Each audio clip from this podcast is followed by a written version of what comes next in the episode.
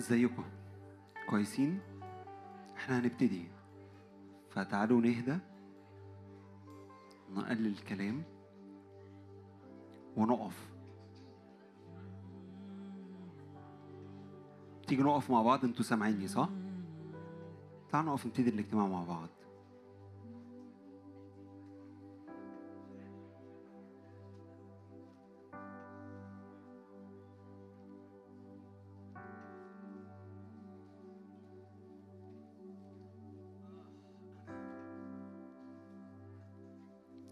تعالوا لو الشاشة اشتغلت اشتغلت. ميخا أربعة من أول عدد واحد.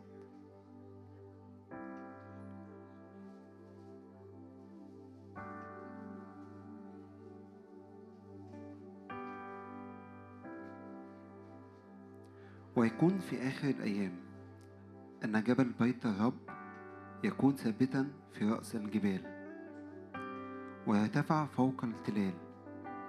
وتجري إليه الشعوب.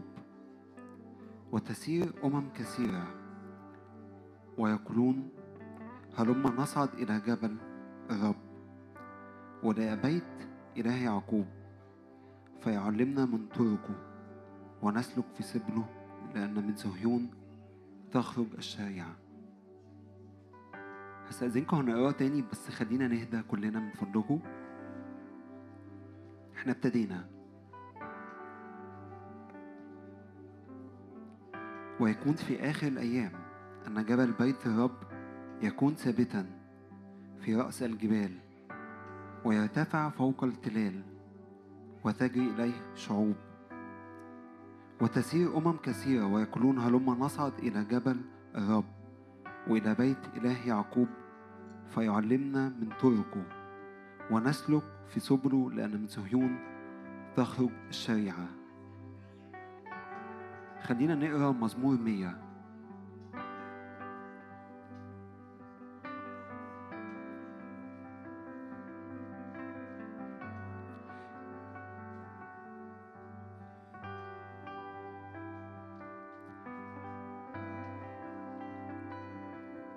مزمور مية من أول عدد واحد.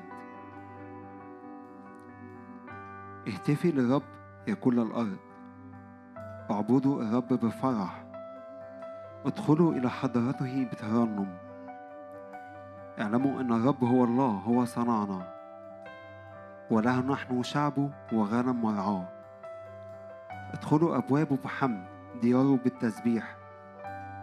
احمدوا باركوا اسمه لأن الرب صالح. إلى الأبد رحمته. وإلى دور في دور أمانته. واللي جوايا إن إحنا ندخل فوق الجبل نتقابل معاه مقابلة حقيقية. هو يستعلن فيه لكل واحد فينا.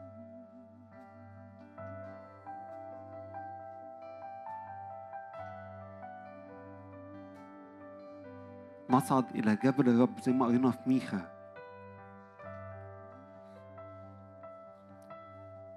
هلما نصعد إلى جبل الرب وإلى بيت إله يعقوب. استاذنك خلينا كلنا نقف بعد إذنكم ونفتح إيدينا قدامنا. قول يا رب إحنا جايين نتقدم أمامك بثقة. نصعد فوق الجبل نتقابل معاك وجها لوجه. جايين نعبدك جايين نسبحك جايين نهتف أمامك. مش بنعمل الحاجات دي بالجسد لكن بنعملها بالروح اللي جوانا نعبده في زينة مقدسة. نعبده بالروح وبالحق مش بالجسد مش بالهيصة مش بالموسيقى عشان الموسيقى عالية فهنسقف. لكن إحنا بنعبده بالموسيقى إحنا كمسبحين. وإنت تعبده بالروح اللي جواك. فأشجعك إنك تتقدم فوق الجبل وتستمتع بيه.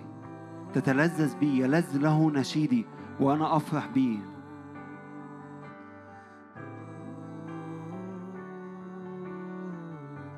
والفريق بيكمل بيسبح. إحنا كده ابتدينا تسبيح. انت سبح يسوع. اعبدوا الرب بفرح افرح وابتهج لأن الرب في وسطنا نار آكلة.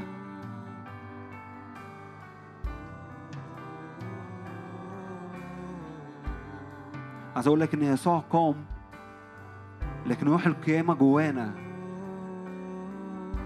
لأن أهيا الذي أهيا معي.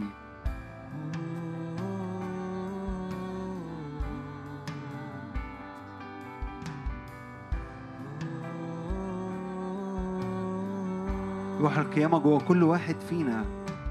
حتى لو أنت مش عارف أو مش حاسس لكن هي جواك. عشان كده الخليقة تئن.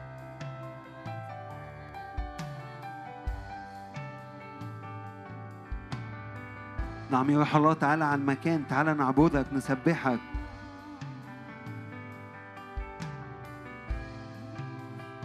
نعطيك كل المجد نعطيك كل المجد.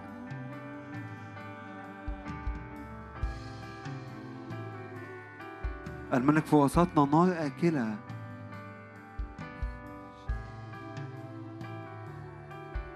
هستأذنك هديك وقت قبل ما إحنا ما نبتدي انت اعبد قبل ما نرنم مع بعض.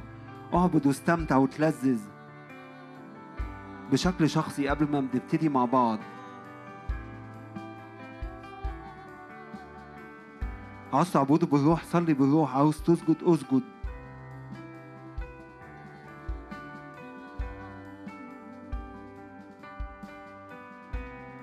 نعم يا رب نصعد إلى جبلك. نعبدك عبادة حقيقية.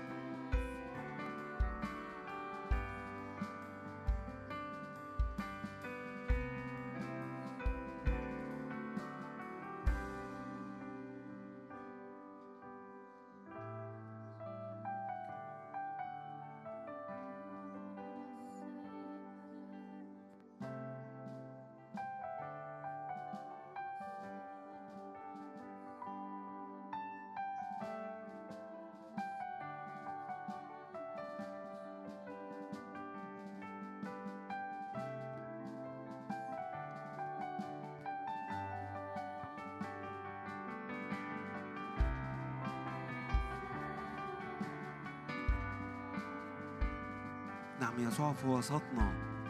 استمتع بيه. اعبده.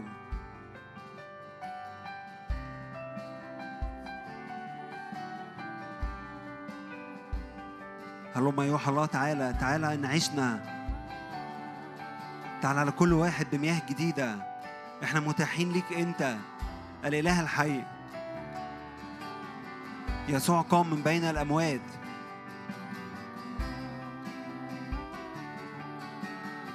يسوع يفدي كل واحد فينا.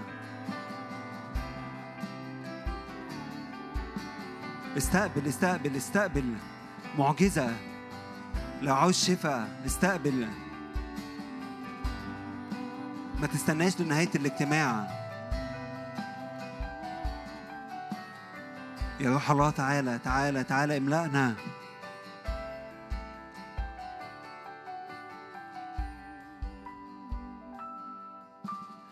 يسوع نتوجك. نعلن ملكك. تعالى الآن في وسطنا. ولتعلو وسط سبحنا يسوع نتوجك. أنت الملك.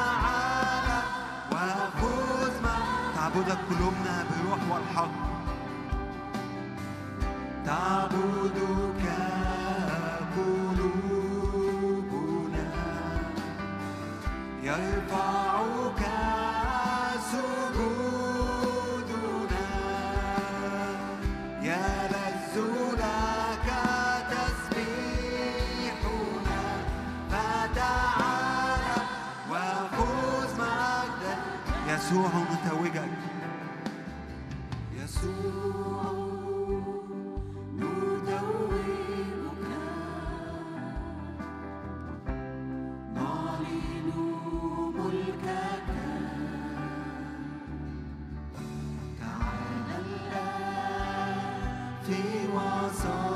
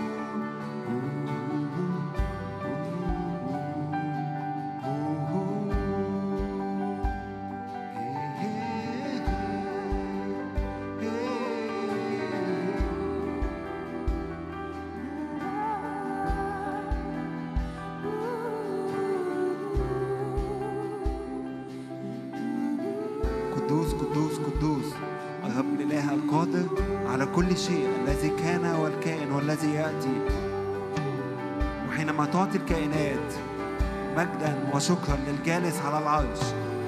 يخر ال 24 شيخا قدام العرش. ويطرحون أكليلهم ويهتفون قائلين أنت مستحق أيها الرب أن تأخذ المجد والقدرة والكرامة لأن خلقت كل الأشياء وهي بإرادتك كان وخلقت. أنت مستحق أيها الرب أن تأخذ المجد والكرامة.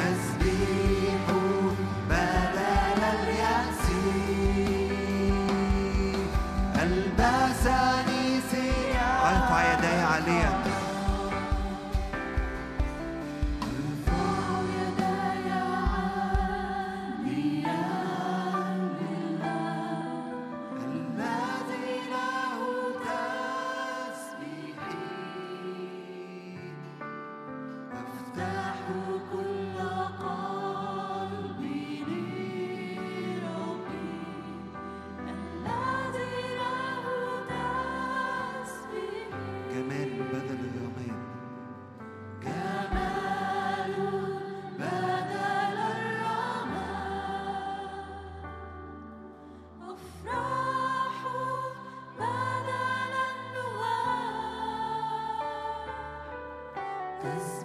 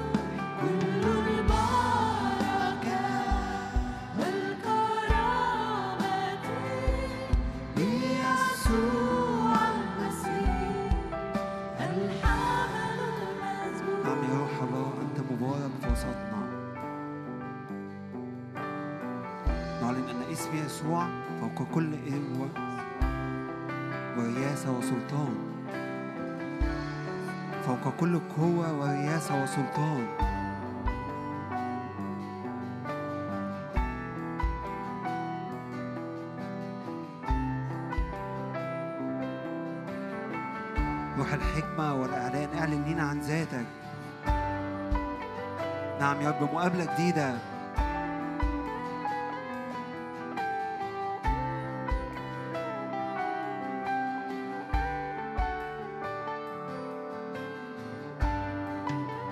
للجالس على العرش وللخروف البركة والكرامة والمجد والسلطان إلى أبد الآبدين.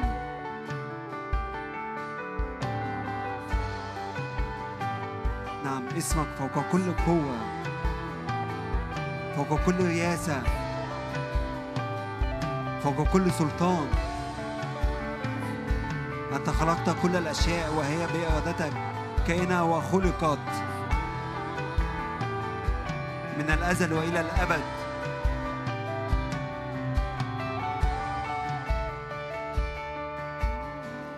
للجالس على العرش وللحمل. على العرش وللحمل للجالس على العرش وللحمل للجالس على العرش. للجالس على العرش وللحمل البركة والكرامة. البركة والكرامة والمجد والسلطان. البركة والكرامة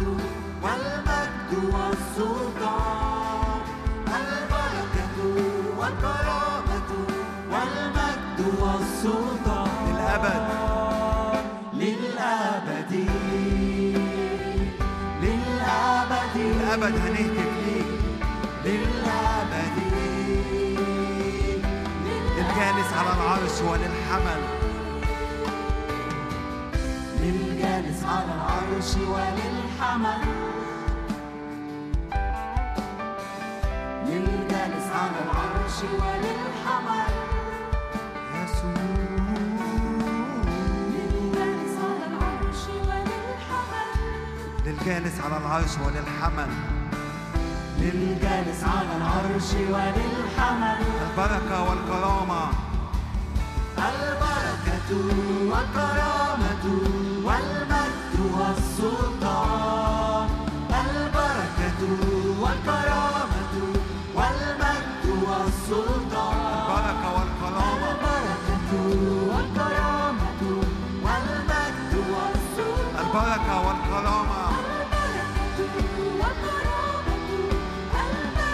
للأبد للأبد. للأبد. للأبد. للأبد. أنا خلقت كل الأشياء. أنا خلقت كل الأشياء. وهي بإرادتك كائنة وخلقت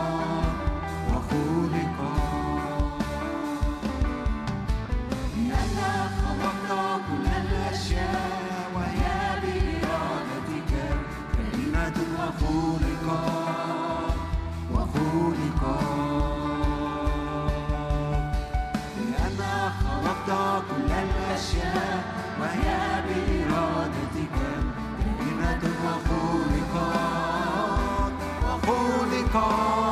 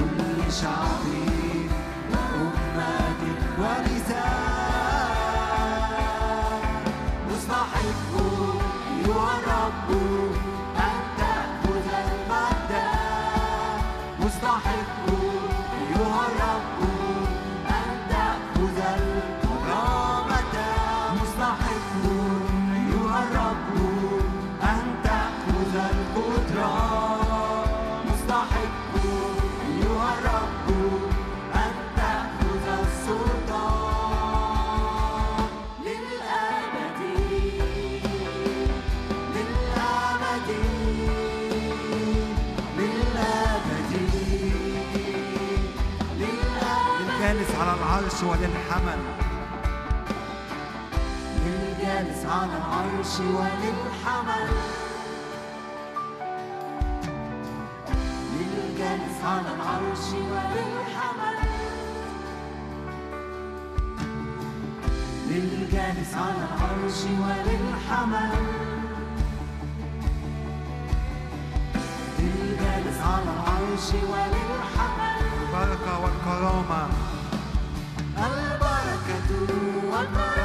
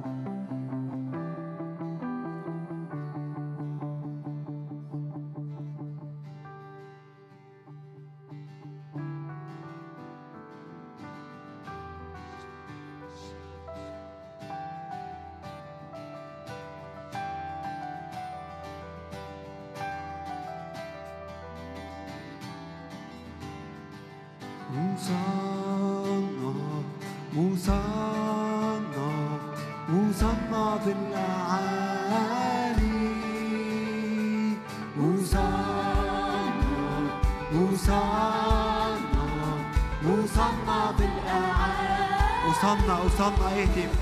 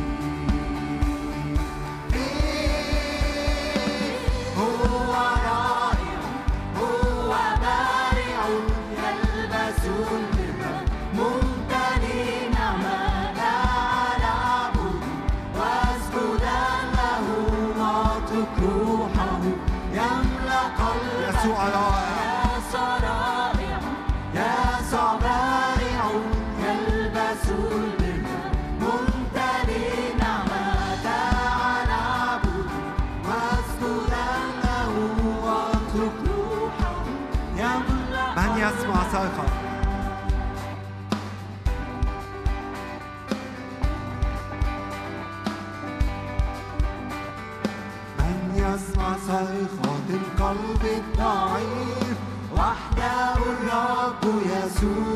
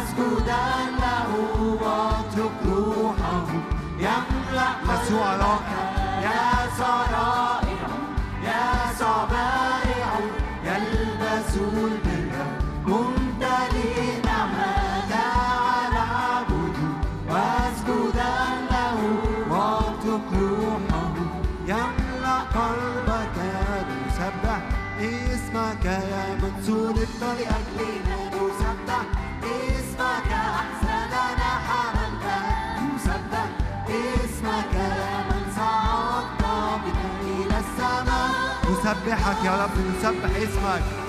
نسبح اسمك يا من صلبت لأجلنا نسبح اسمك أحزاننا حملتها. نسبح اسمك يا من صعدت بنا إلى السماء نسبحك على الدوام. نسبحك على الدوام. فقد سحقت لنا الشيطان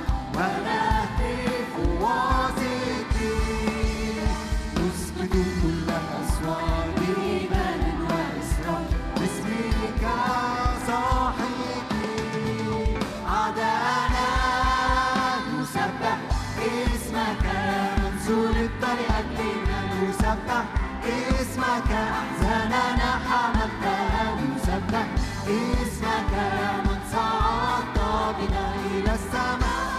نرفع أصواتنا. نرفع أصواتنا.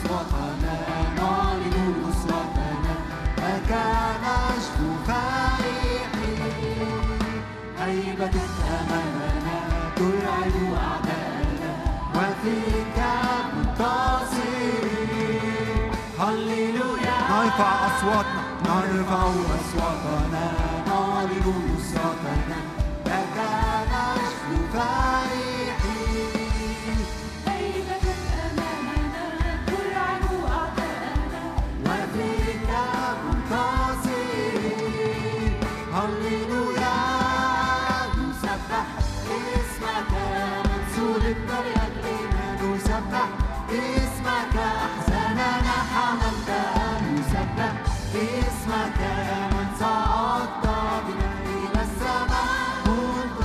يسوع رائع يسوع رائع يسوع بارع يلبس البر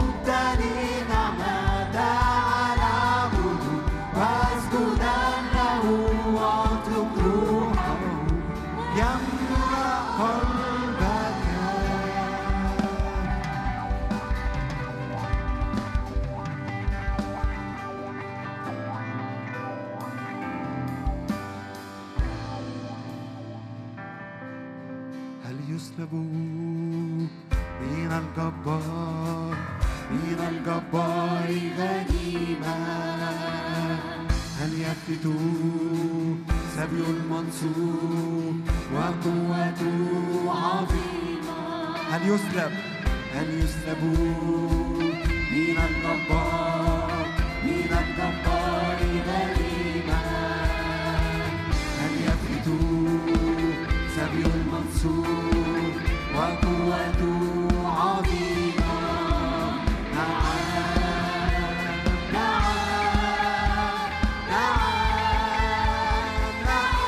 نعم.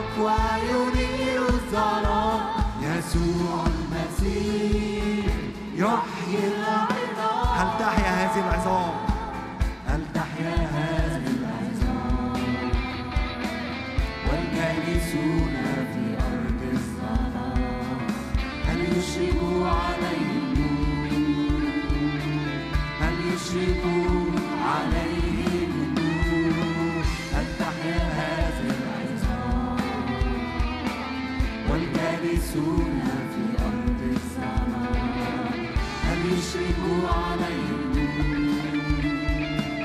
هل يشركوا عليهم؟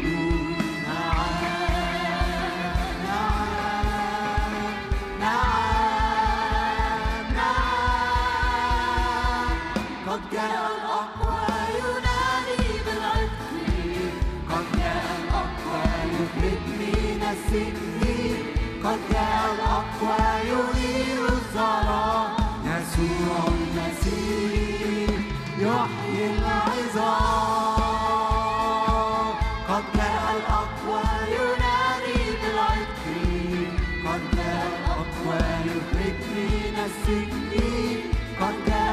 quiet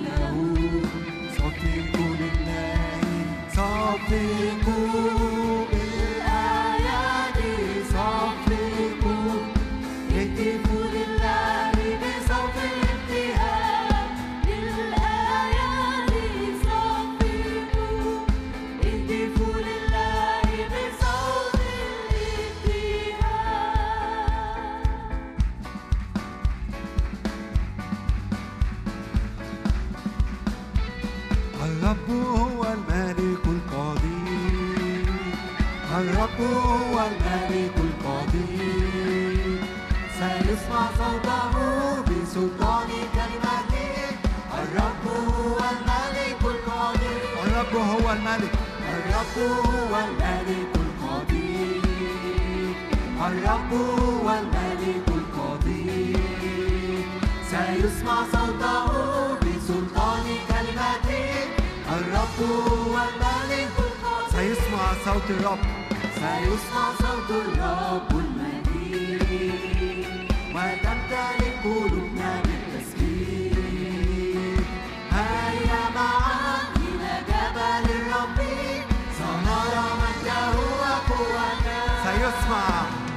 يسمع صوت الرب المجيد وتمتلئ قلوبنا بالتسبيح.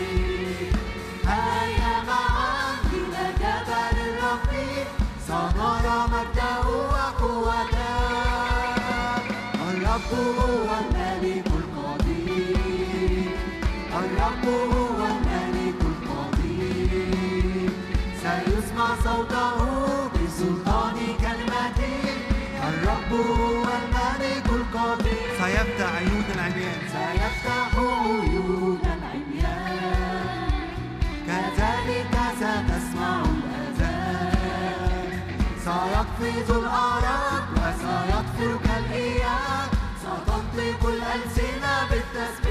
سيفتح عيون العميان.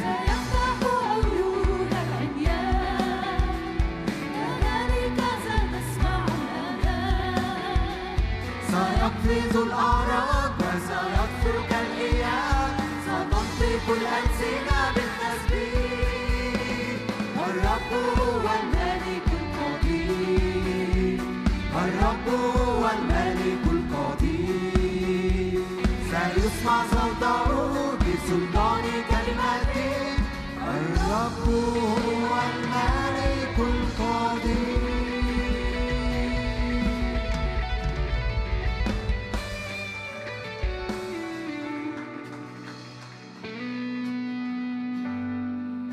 هتاف ملك في وسطهم تعالوا نهتف للرب هتاف ملك هتاف ملك هتاف ملك هتاف يليق بالملك هتاف ملك هتاف ملك هللويا هتاف ملك هتاف ملك. ملك الملوك رب الأرباب. هللويا. لك يحق الهتاف والتسبيح. هللويا. مستحق. يحق لك الهتاف.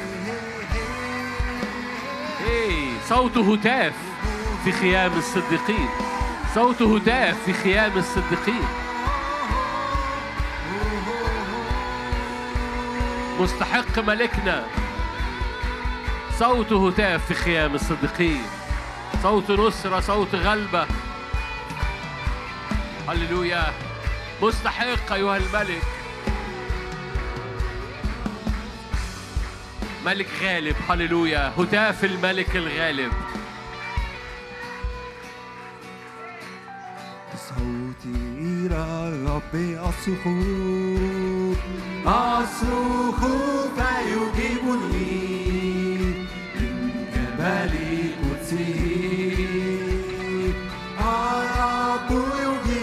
بصوتي إلى الرب أصرخ بصوتي إلى الرب أصرخ أصرخ فيجيبني. من جبل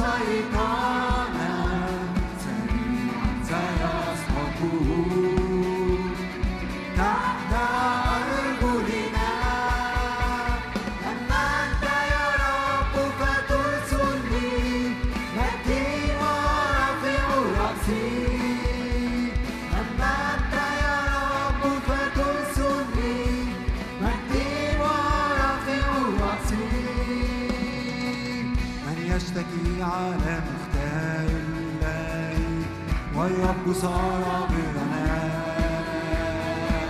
قام يسوع من بين الأموات يشفع فينا في السماء من يشتكي من يشتكي على مختار الله والرب صار برنا قام يسوع من بين الأموات يشفع فينا في السماء. لا تشمتي عدوتي إن سقطت وأقول لا تشمتي عدوتي في الظلمة الرب لا تشمتي عدوتي فيسوع خلصني بدمه بدمه الرب سحق العدو. الرب سحق العدو. خلينا نعملها ظافرا اهتف للملك. أين شوكتك يا موت إذ قام من بين الأموات الرب سحق العدو. الرب سحق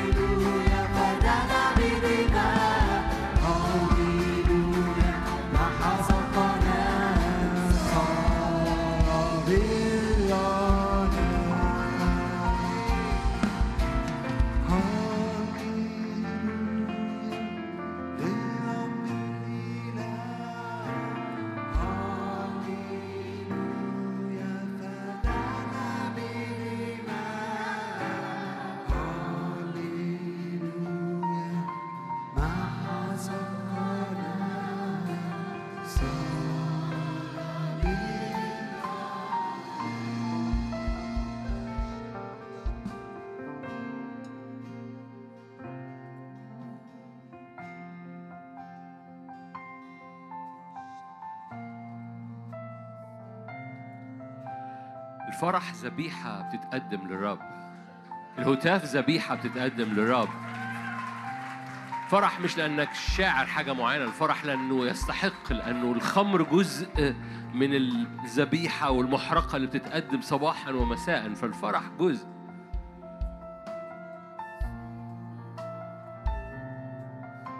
فرح الرب قوة. فرح الرب قوة فرح الرب غلبة. في فرح الرب انتصارات العدو انتصارات على العدو. العدو لا يحتمل فرح المؤمنين. العدو لا يحتمل هتاف المؤمنين. الفرحان العدو لا يحتمل فرح المؤمنين. لو مش عارف تغلب بأسلحتك المعتادة استعمل هذا السلاح. فرح الرب هو قوتك فاستخدم هذا السلاح. افرح عن قرار قدم للرب فرحك. قدم للرب فرحك لأنه هذا الفرح سلاح العدو ما بيعرفش يقف قدامه لأنه الشعب الفرحان العدو ما بيعرفش يضربه. الشعب المكتئب الشعب الحزين الشعب المنحصر في ذاته أو في ضعفه أو في خطيته أو في ظروفه أو في جباله ما بيعرفش ينقل جباله. أما الشعب الفرحان بإلهه بيعرف ينقل الجبال فلو في مواجهات في حياتك لو في جبال في حياتك استخدم الفرح بعضكم بطل يستخدم هذا السلاح بقاله سنين بقاله فترات. الكورونا ما فيهاش فرح. اللي بيحسم الكورونا هو الفرح. اللي بيحسم الاقتصاد هو الفرح. اللي بيحسم العيافة والعرافة هو الفرح. اللي بيحسم مواجهات كثيرة في أزمنة مثل هذه لأن العدو لا يتصور أن تستخدم هذا السلاح في مثل هذا الزمن. لما يجدك بتستخدم سلاح الفرح في زمن ما فيهوش فرح بيتلخبط. بيبقى جاي له سهم من حيث لا يدري من حيث لم يتوقع. بتبعت له سهم هو مش متوقعه. بيتوقع سهام معينة بس ده جاي من وراه جاي من ظهره. ده سهم جاي من ظهره. فرحك وإيمانك ورأسك وتسبيحك وعبادتك الحرة بتلخبط العدو لأنه ده لا يتوقع أن الكنيسة تفرح في زمن مثل هذا. أو تنتصر أو تسبح أو تهتف في زمن مثل هذا. فسهم جاي للعدو من حيث لا يدري من حيث لا يدري. كل عيافة وعرافة كل آلة صورت وكل حكم عليك. قد طرح المشتكي ليه لأنه فرح الرب هو قوتنا. صوت هتاف في خيام الصديقين. مرة صوت هتاف في خيام الصديقين.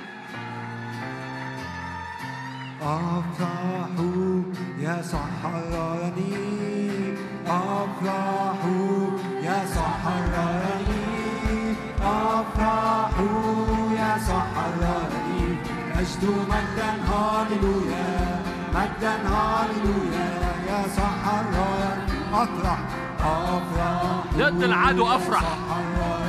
ضد كل عيافة أفرح. يسوع حررني ضد كل لعنة أفرح. يا مجد مجدا هاليلويا مجدا هاليلويا يا صحر اهتف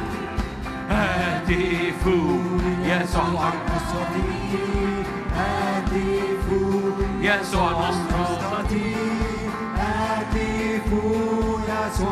نصرتي مجد مجدا هاليلويا مجدا هاليلويا يسوع نصرتي أفرح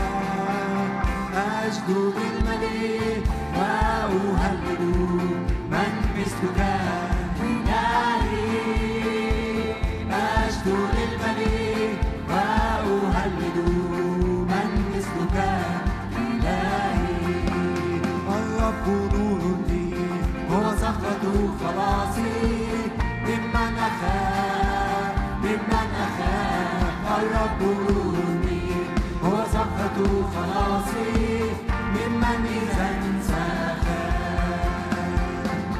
أقدم ذبيحتي لك أشدو دواما لاسمك فقد هزمت كل أعدائي فأنت رب إله خلاصي. الرب نوري ممن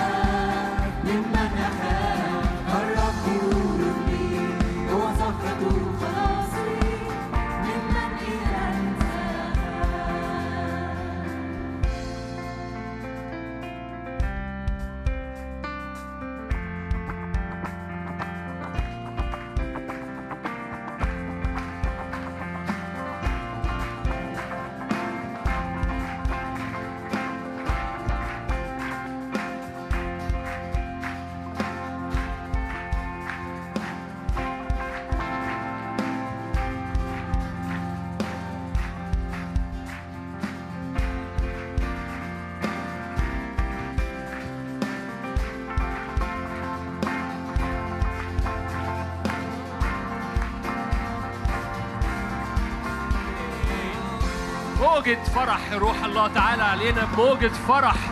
مقاصد الرب إن كل ذبيحة ملتوتة بالزيت وعليها كي عليها مكيال خمر يعني مكيال فرح. تعالى بروح فرح يا رب اكسر اكسر. العدو مش متعود في الزمن ده إن الكنيسة تبقى فرحانة. العدو مش متعود إن يبقى في عبادة فيها فرح. مش كده ولا إيه؟ آخر مرة حضرت عبادة فيها فرح كان إمتى؟ أو رقص زي كده اخرج من الصف لو انت جواك ترقص واللي جو حواليك واقفين كده اخرج من الصف وارقص. أنا بديك صلاحية. اتنطط. مش عارف ترقص اتنطط. أيوه كده.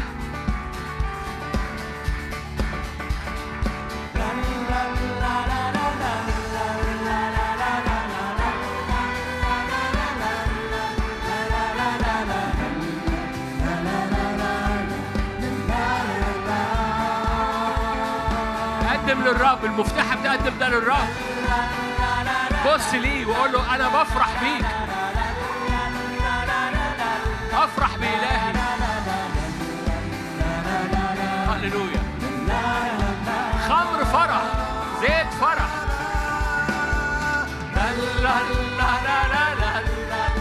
اختار إنك تفرح. ده اختيار. لأنه فرح بالرب.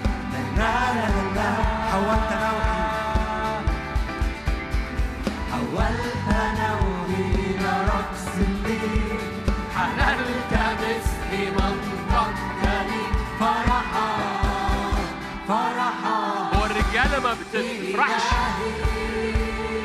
تفرح يسوع. هل التمس منطقتني فرحا Bye.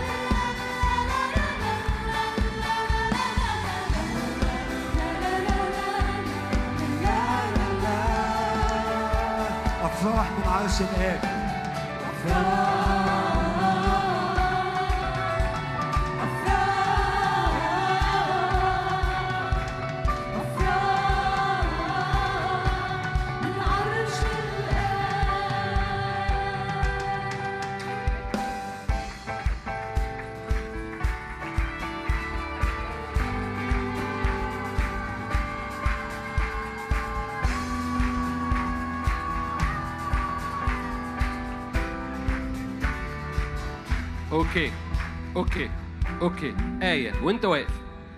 كمل عبادة من أجل أنك لم تعبد الرب إلهك بفرح وبطيبة قلب لكثرة كل شيء يعني لو ما عبدتش الرب بفرح وطيبة قلب تستعبد لأعدائك. بصوا إحنا إحنا اللي اللي عارفني عارف إن إحنا ما بنعملش كده. لكن لكن إيماني إيماني إيماني إنه في سلاح في الحرب في الفرح ده. ايماني إن في جزء من الفرح فقد ايماني إن في جزء من الفرح فقد خلال الزمن اللي فات بسبب حروب بسبب المواجهات بسبب ال ال الكورونا بسبب إنه الجو العام بسبب إنه وايماني إن هذا الفرح اتسلب مننا والفرح بقى الفرح ingredient يعني مكون أنت بتضعه في الذبيحة. أنت اللي بتضعه. نتصور إن في عصاية سحرية هتعدي كده وتعدي عليك وتبقى فرحان. أمين في زيارة من روح الفرح نعم. لكن الفرح هو مكون أنت بتضعه في الذبيحة. أنت بتختار إنك. من أجل أنك لم تعبد الرب إلهك بفرح. ده ده يعني يقول له في أمر أن تعبد الرب إلهك بفرح وبطيبة قلب. يعني إيه طيبة قلب؟ يعني إيه يعني مش واحد طيب. طيبة قلب يعني يعني أنا فرحان من غير ما أعقد الدنيا. هي دي فرح بطيبة قلب. يعني إيه؟ يعني مش معق مش مكلكع. أنا عشان كده ما فيش وعظة دلوقتي مش هتتسجل عليا. فمش الدنيا مش متكلكعة جوانا. أنا فرحان للرب بدون كلكعة. آمين؟ فترنيمة كمان بدون كلكعة.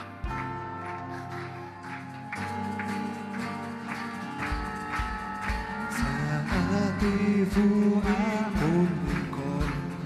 وأرقص أمام الرب أمام ملك الملوك هللويا له نصدق بالأيدي نعلن ملكه في الأرض ملكا إلى الأبد سأهتف من كل القلب سأهتف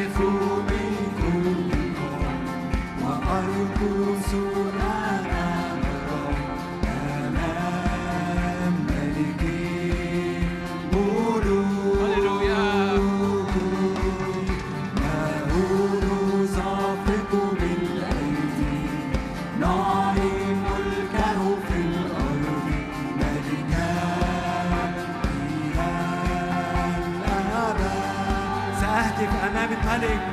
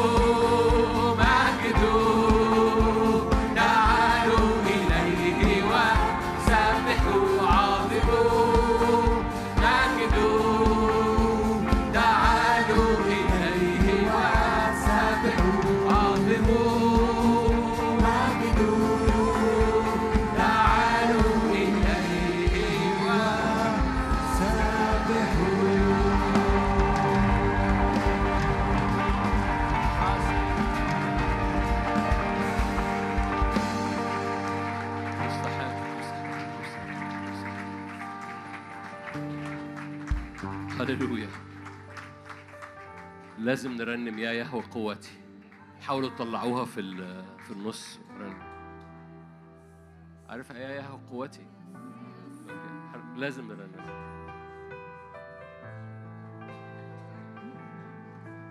يا يهوى ترنيمتي.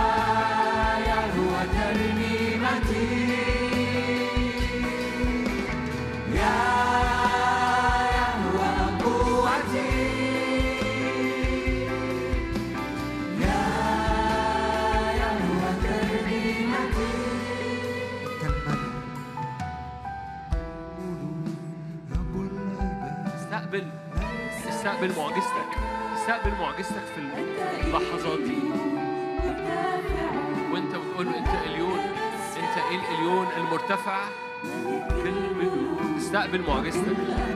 استقبل زيت خاص. استقبل معجزة في روحك. صدق. ملك الملوك. ما أمجد الإليون. مرتفع.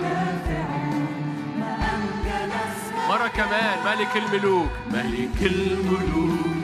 رب الأرباب ليس مثلك. أنت اليوم؟ مرتفع أمجد اسمك ملك الملوك. ملك الملوك. رب الأرباب ليس مثلك. أنت اليوم؟ مرتفع ما أمجد اسمك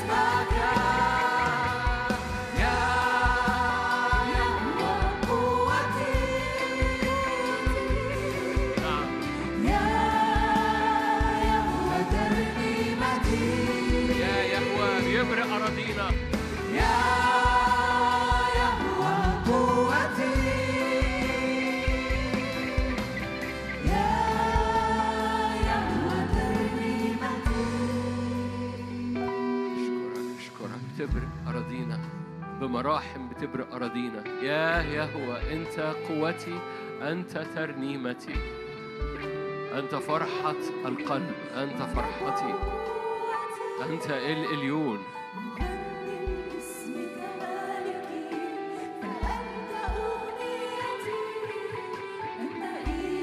تبرق أرض عوضا عن النوح أغنية. أنت أغنيتي.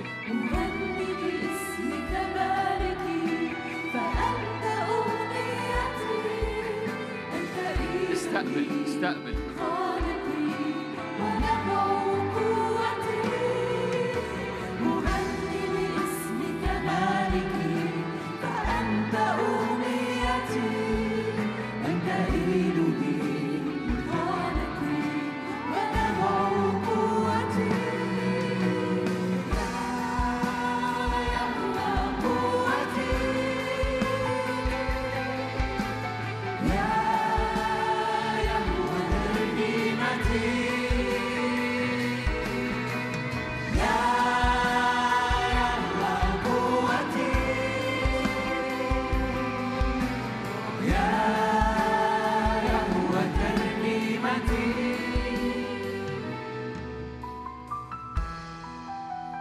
أشكرك أنك بتطري أراضينا عوضا عن النوح عوضا عن عوضا عن الشكوى عوضا عن المرارة.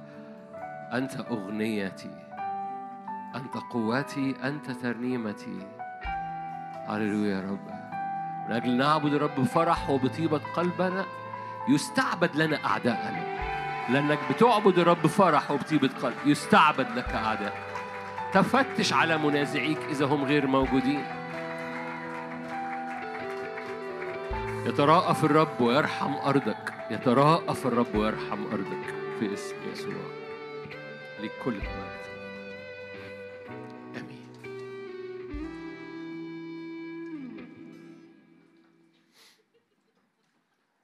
يوحنا أولى صح اتنين آه، نصغر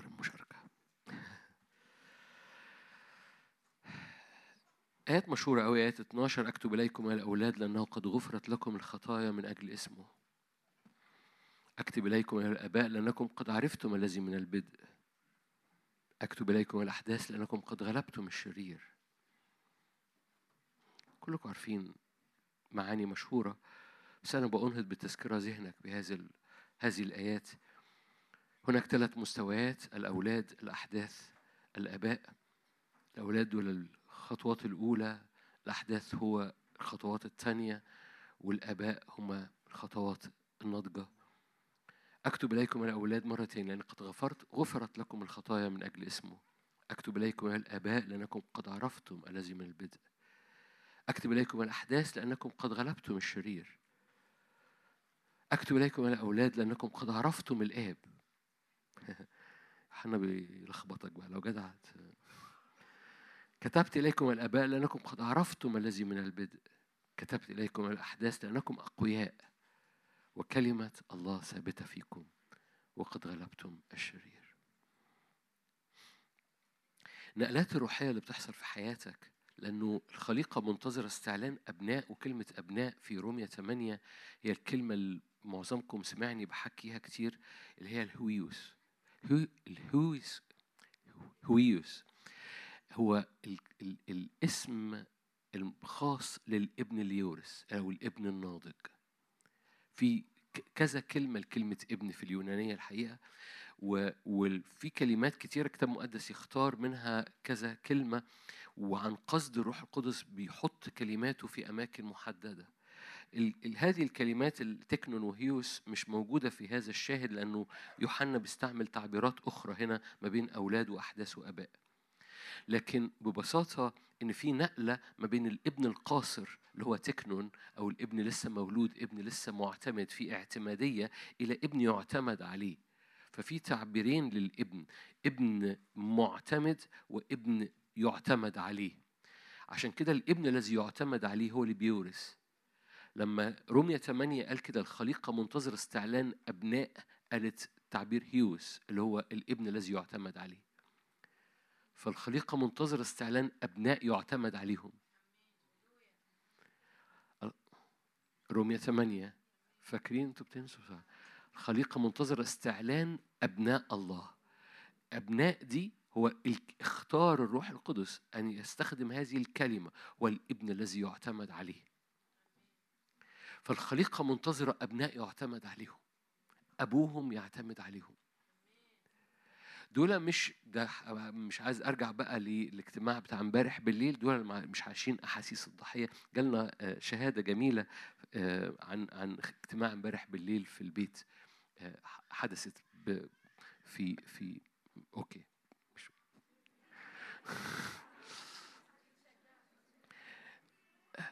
لأن بتجيلنا شهادات كتيرة بتجيلنا شهادات كتيرة بصورة خاصة عن شفاءات بس بتجيلنا شهادات كتيرة في الاجتماعات إن كان سبت أو أربع كلها بدون وضع يد. بدون وضع يد. بدون وضع يد. فالشهادات اللي بتجيلنا مختلفة بتجيلنا شهادات كتيرة لأمور نفسية. هذه القصة مش حكي ما أقدرش أحكي تفاصيلها لأن يمكن فيها قصص شخصية فأنا مش حاسس إن أحكي فيها آه، قوي برغم إن شخص حطها على الفيسبوك لكن برضو ما أحبش أنا أقولها لكن قصة حصل فيها معجزة في العلاقات في البيت. يعني حصل حاجة م- معجزية يعني من حالة إلى حالة. فجأة آه، وهم بيتفرجوا على الاجتماع بتاع امبارح بالليل. يعني حالة نفسية م- مليانة إنزعاج وتك حد شال الفيشة من الإنزعاج وحط الرب صالح وكده يعني. ف فمعجزات الرب اللي بتحصل بدون وضع يد مش بس مربوطة بالأمور الجسدية لكن مربوطة بكل أمور الرب عايز يعملها. ففي نقلات روحية رب يعملها في حياة ولاد الرب. هذه النقلات بتحصل بالنعمة لكن كمان بتحصل عن قصد. يعني إيه؟ يعني أنت بتش... بتتجاوب مع الرب في قلبه اللي عايز ينقلك فأنت بتقصد تتنقل. لأن في بعض الأحيان ربنا بيبقى عنده قصد ينقلك وأنت مش بتتحتح تعرفوا بتتحتح دي مش موجود. عارفاها في تركيا؟ تركيا بيقولوا بتتحتح أكيد ما بيقولوش. في تركيا تتحتح دي خالص. ف... ف... فكثيرا ما الرب يبقى عايز ينقل حياتك وأنت ما بتتحركش. آه، عشان كده بقول إيه؟ إنه النقلات الروحية بتحصل بالنعمة فهي نعمة إلهية ترقية روحية زي ما هنصلي النهاردة. بس هذه الترقية الروحية حضرتك بتتجاوب معاها عن قصد. خليني أريح قلبك. أنا متأكد لكل حد سامعني إنه فوت كذا ترقية. فلو أنت بتسأل يا رب هو جامعات ترقيتي ولا لأ؟ ما تسألش السؤال ده. أنت عندك ترقيات فاتت. فكون مهدف إنك تتنقل بترقيات ما تقولش دي يمكن ربنا مش عايز ينقلني. لا لا لا لا عليا أنا دي. بمعنى بمعنى إن مقاصد الرب إنه ينقل زي, زي ما في أولاد في أحداث في آباء. ومقاصد الرب زي ما هنا في نقلات أو في ترقيات حاصلة أو في مستويات حاصلة مربوطة بحاجات مختلفة أنا مش مش عشان الوقت مش هقعد أتأمل معاكم في في الثلاث مستويات ممكن مرة تانية نتأمل فيها و... لكن لكن ببساطة في intentional يعني في ترقية عن عن قصد انت منشن إنك بتتنقل وراء الرب. ليه؟ لأن بتستقبل هذه النقلة لأن في ترقيات باسمك وأنت وجت باسمك وأنت مش واخد بالك. في ترقيات جت باسمك وأنت كنت متلخبط بس الترقية جت باسمك، دايما بستعمل قصة بطرس اللي وهو متلخبط وهو بينكر يسوع جت ترقية باسمه. تقولي ده اللي حصل في المقابلة مع يسوع بعد كده. لما قابله أتحبني؟ أتحبني؟ أتحبني؟ قال له ارعى. بطرس ما كانش بيرعى. بطرس كان بي بي ف ف ف هتفهم حاجة؟ قال له أجعلك صيادا للناس. بطرس كان بيصيد الناس. قام قال له بص حبيبي وأنت بتنكرني جت ترقية باسمك. ارعى غنمي. أنا متأكد إن كل حد سمعني في ترقيات فاتته. ففي الاجتماع اللي جاي هنصلي ونستقبل كل ترقيات فاتت. كل موسم ترقية جه عليك وانت كنت في أجازة. رجعت من الأجازة يقول لك جت ترقية باسمك في المكتب في, درج المكتب عندك. وانت في الأجازة دخلوا ورقة الترقية وحطوها في درج المكتب. انت ترقيت. طب ده أنا كنت في أجازة. آه بس جت الترقية باسمك جه ميعاد الترقية. أنا متأكد كل حد سمعني لأنه لأنه عامة عامة عامة مقاصد الرب ترقياته وإحنا ما بنتحركش وإحنا ما بنتحتحش فأنا متأكد. خليني أقرأ لك آية كمان في هذا الشاهد. أنا همشي بسرعة قوي والمشاركة تبقى قصيرة. وده خبر مشجع لإخواتي المصورين. كورنثوس الأولى 13 كورنثوس الأولى 13 آية تمشي مع مع مع اللي إحنا كنا بنقوله في يوحنا الأولى. كورنثوس الأولى 13 آية 11 لما كنت طفلا فاكرين؟ أيها الأولاد أيها الأحداث أيها الآباء. فهنا بيحكي عن مستويين الطفل والرجل. لما كنت طفل كطفل كنت أتكلم كطفل كنت أفطن كطفل كنت أفتكر. لكن لما صرت رجلا هللويا هللويا. الخليقة منتظرة استعلان ال υἱός دول الذين يعتمد عليهم الذين يوثق فيهم الذين يتكل عليهم. مش اللي هم أول ما يحصل حاجة يقوموا طالعين موسوسين مسوسوين. مسوسوين. مسوسوين صح. فاللي بيسوسو بسرعة ده. okay. أنا آسف. في مقاصد الرب إنه فقال كده لما لما صرت رجلا شايفين الآية؟ لما صرت رجلا عملت إيه؟ ده intentional ده عن قصد. ده عن قصد ده قرار ده اختيار ده أبطلت مال الطفل. أبطلت مال الطفل. فهو بيحكي عن كل المستويات كل المستويات فيها نعمة من عند الرب. من أول ال- ال- الأولاد قال لهم قد قد غلبتم الشرير الذي فيكم أقوى أيها الأولاد الذي فيكم أقوى. يوحنا في في آيات ثانية غير اللي قريناها. فالأولاد الأحداث قد عرفتم الآب عرفتم من البدء. بعد كده الآباء حلو قوي هنا بو- بولس الرسول متحرك في حتة مختلفة شوية فبيقول لما كنت طفل كنت كان كل حواسي فيها أبعاد طفولية وك- وكلامي كان طفل. كطفل كنت أتكلم كطفل كنت أفطن كطفل كنت أفتكر. لما صرت رجلا أبطلت. أبطلت ده intentional دي نقلة عن اختيار دي نقلة عن اختيار وهو من الرب عايز يعمل نقلة هذه الليلة أو إنك تستقبل عن تركيز عن قصد إنك تستقبل نقلة الرب عايز يعملها هذه الليلة. فعشان كده بقول لك هعمل مشاركة صغيرة ونصلي مع بعض. هنروح لغلاطيا أربعة. هألف كتاب مقدس هقلب آيات وهختصر كتير. غلاطيا أربعة شاهد مشهور برضو في هذا التعبير اللي هو هيوس هويوس هويوس. عشان في حرف في النص. هويوس.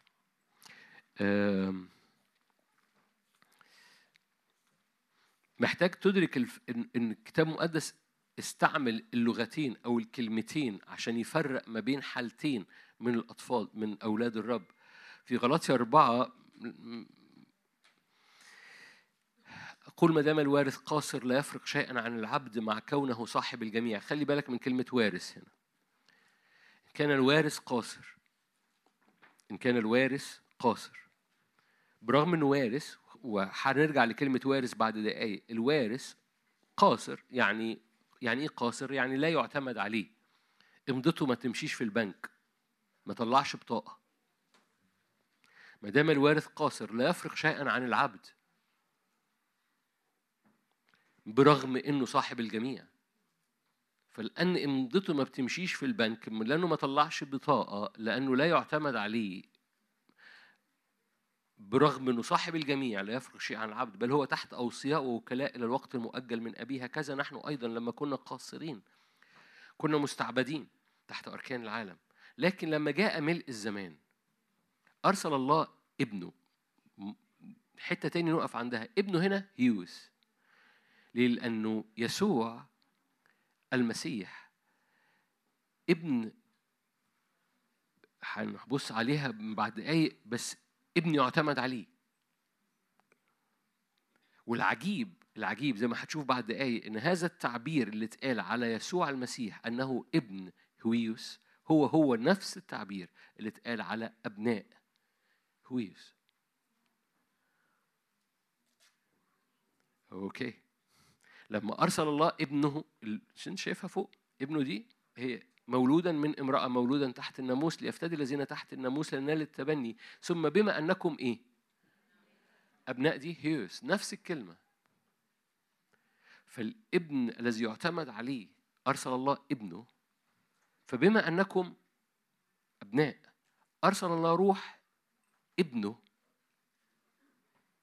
عشان حضرتك تبقى هيوس لازم الرب يرسل روح هيوس جواك.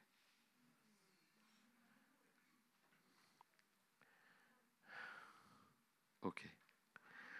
أرسل روح ابنه إلى قلوبكم صارخا يا أبا الآب. اذا لست بعد عبدا بل ابنا. وإن كنت هيوس برضو. وإن كنت ابنا إن كنت هيوس فإيه؟ فوارث. فاكرين وارث؟ لو الوارث قاصر مش هيوس مش هيفرق في حاجة. لكن الرب أرسل روح هيوس عشان يخلينا هيوس فنكون وارثين.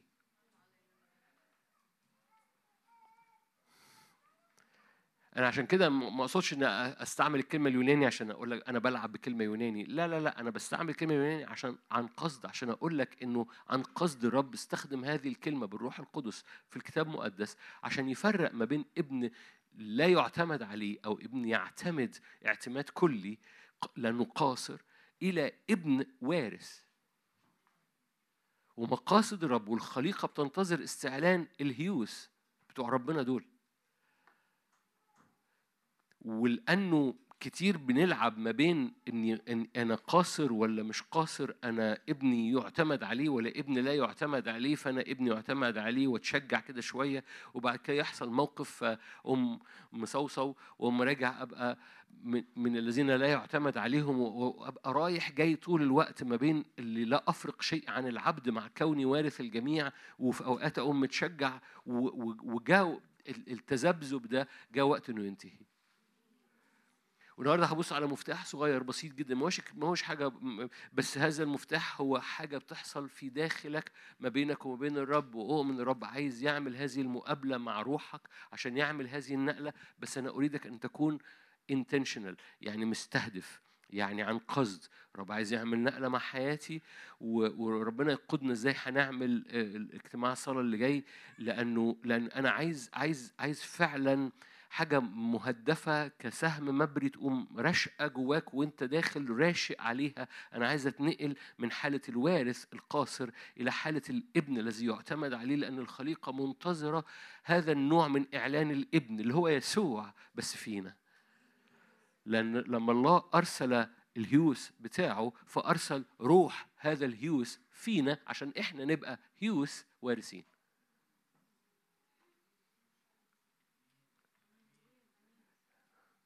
وجاء وقت لأنك مستهدف لأن مستهدف لأنك مش مش بالبركة بال- بالبغكة كده. يعني أنا وقفت كده اتباركت في الاجتماعات وخرجت وتلاقي الرب عم- عمل نقلة وجاب نقلة باسمك من أطفال إلى أحداث إلى إلى آباء.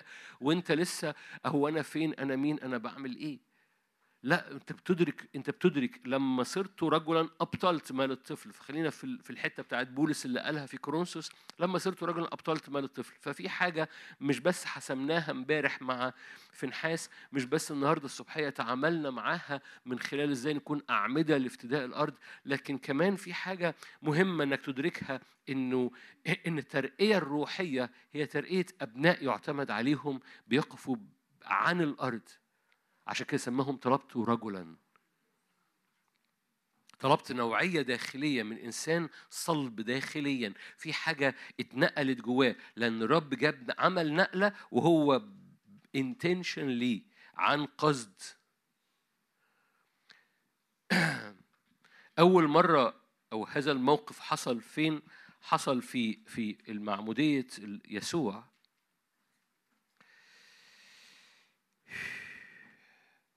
هم. طيب.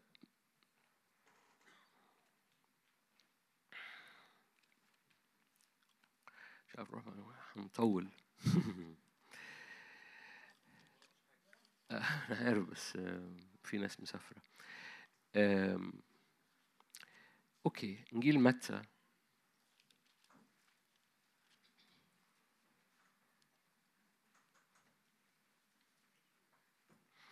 كلكم عارفينها حينئذ جاء يسوع من الجليل متى 3 متى 3 13 جاء يسوع من الجليل الأردن إلى يوحنا ليعتمد منه intentionally. ده ده عن يوحنا رب يسوع راح ليوحنا مهدف مهدف. لم ينسكب الروح القدس على يسوع وهو كده ب... جاء يسوع من الجليل الأردن إلى يوحنا ليعتمد منه يوحنا منعه.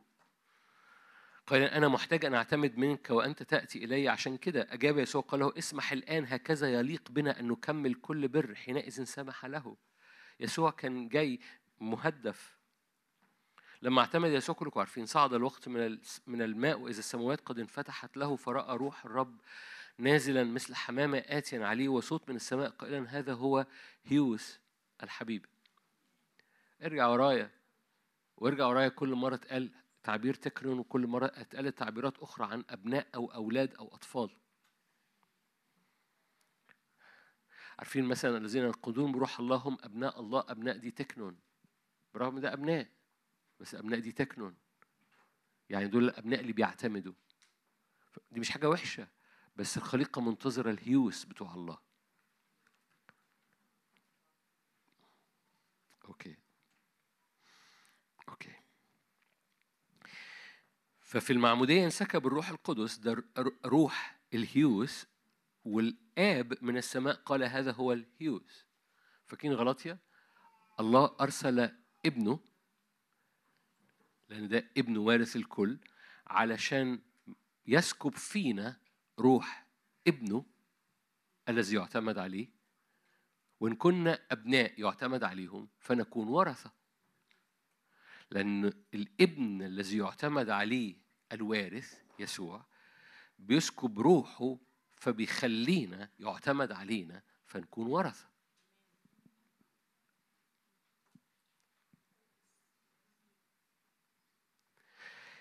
استقبالنا للروح اللي انسكب. الروح اللي انسكب. تقول لي انت عمال بتقول الروح اللي انسكب على يسوع هو اللي روح ال ال ال υἱός أو الروح الابن الذي يعتمد عليه. أقول لك حالا لأنك أنت المفروض تكون ذهنك نط معايا لأشعياء 11 بس هروح لها حالا.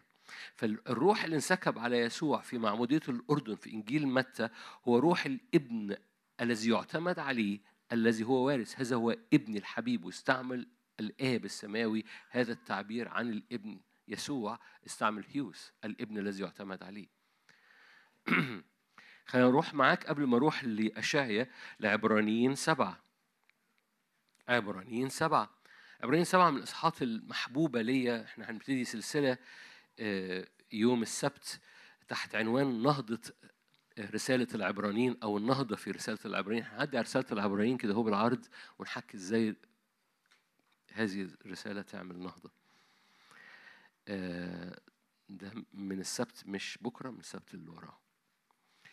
فعبرانيين سبعة من الإصحاحات الجميلة اللي هو فيها النقلة من كهنوت هارون إلى كهنوت ملكي صادق.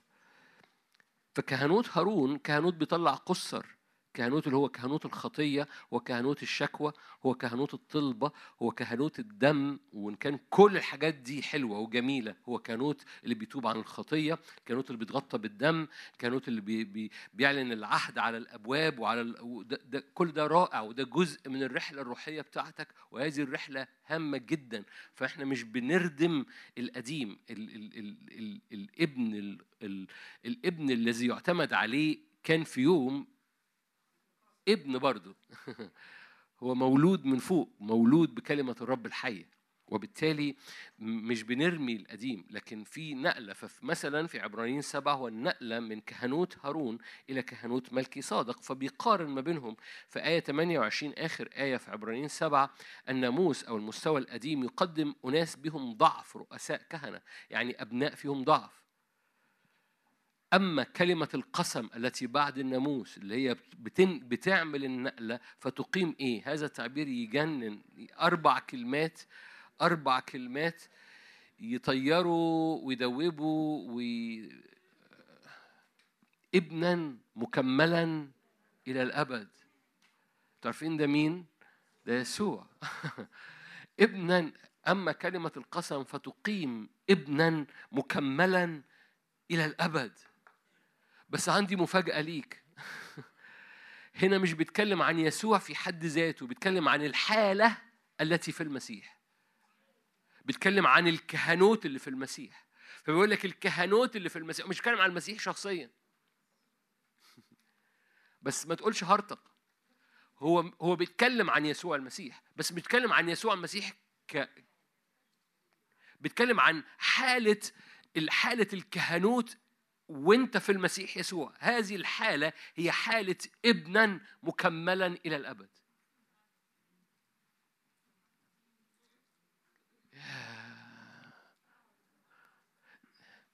لأنه هو بي- بينقل بينقل ما بين كهنوت هارون وكهنوت ملكي صادق. بيقول لك في فرق ضخم ما بين ده وده وعمال بيعمل مقارنة يمكن نعدي بيها في السلسلة. بس بس جالي الآخر ويقول لك بص الفرق ما بينهم إن في الحالة الأولانية هذا الكهنوت كهنوت ضعيف. يقيم أناس بهم ضعف رؤساء كهنة حتى رؤساء الكهنة كان بيهم ضعف. أما في حالة كهنوت ملكي صادق بيقيم حالة اسمها ابنا مكملا إلى الأبد. فحضرتك you step in يعني عارفين يعني step in يعني بتقوم مدخل رجلك واقف في حالة في المسيح يسوع قدام الآب اسمها ابنا مكملا أو ابنة مكملة إلى الأبد في المسيح يسوع. كنت عايزة تستخبي أم؟ عشان كده في عبرانيين عشان كده في العبرانيين يقول لك كده إنه أكمل إلى الأبد. القديسين المقدسين ليه أكمل إلى الأبد؟ عارفين التعبير ده؟ أنا هشرح عبرانيين كله كده وأنا قاعد دلوقتي. أصل عبرانيين ده يجنن. فأكمل إلى الأبد المقدسين. إزاي أكملهم إلى الأبد؟ لأن هم حطهم في الإبن والإبن ده ابنا مكملا إلى الأبد. فاستعمل نفس التعبير ف... آه إحنا ممكن نصلي خلاص. حضرتك you أنت في المسيح يسوع بتخش في حتة مليانة نضوج. مكم... ابنا مك... ابنا دي υἱός برضه. مكملا. perfect مكملا. إلى الأبد. ده يعتمد عليه ده ولا ما يعتمدش عليه؟ حضرتك بتخش بس لما لما صرتوا أبطلتوا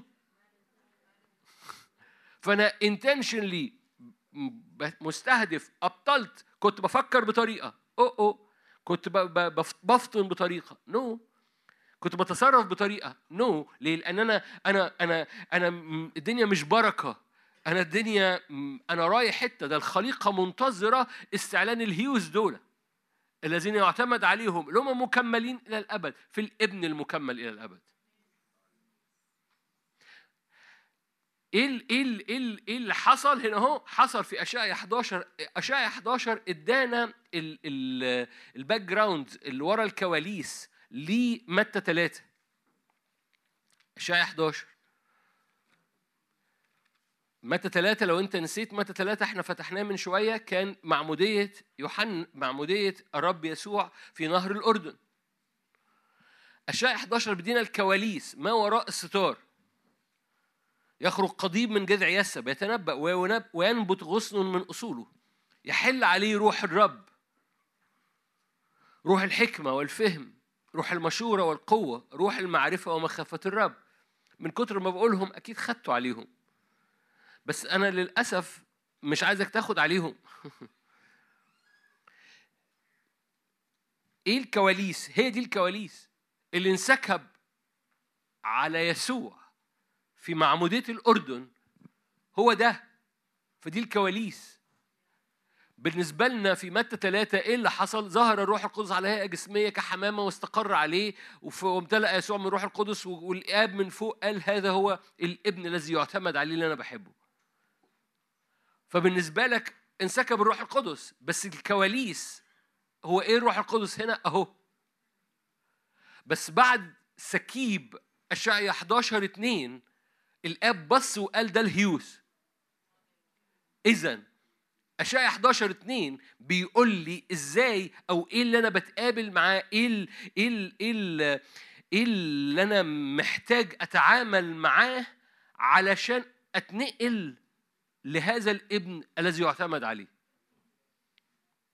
هم السبع إظهارات دول.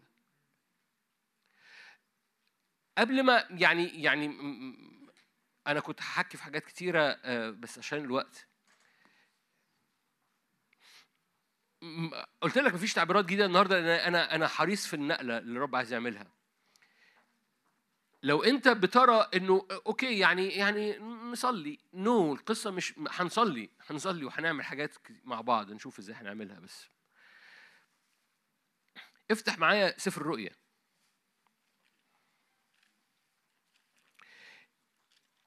السبع إظهارات دول أو السبع أسماء دول الموجودين في اشعياء 11 دول مش عشوائية. يعني عارف لما تحاول عارف لما تحاول تتعامل مع الرب من غير الصليب أو من غير الدم؟ لو قلت لو قلت لك أنت ممكن تتعامل مع الرب من بره الفدا من بره الصليب هتقول لي ما ينفعش. ليه؟ لأنه هو الباب الحقيقي. من دخل مش من الباب فهو سارق ولص ما ينفعش أتعامل مع الآب إلا من خلال دم الابن لأن الدم افتداني عشان أقدر أقرب للآب صح؟ okay صح؟ لو حد طقطق هنزل عليه بالمظلات.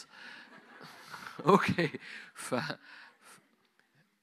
فبنفس الطريقة ما ينفعش تحصل نقلة روحية في حياتك بدون نقلة وراثة في حياتك ميراث ابن وارث بدون اشعيا 11 2 زي ما الدم محوري اشعيا 11 2 محوري. وهتقول لي أنا أنا هتقوم مرفص مني. أنا عارف. وتقول لا مش شرط. ما ما تزنقنيش. أقول لك ما أنت مزنوق في الدم. تقول لي أزنوق في الدم ما تزنقش في دول.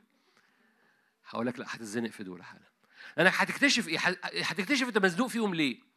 لأن إحنا بنتعامل معاهم ككماليات كأنهم حاجة يعني آه دي وعظه بتتقال في بعض أحيان وعظه كده طايرة في حتة فأنا كلمني عن مواهب روح القدس ما تكلمش على السبعة دول.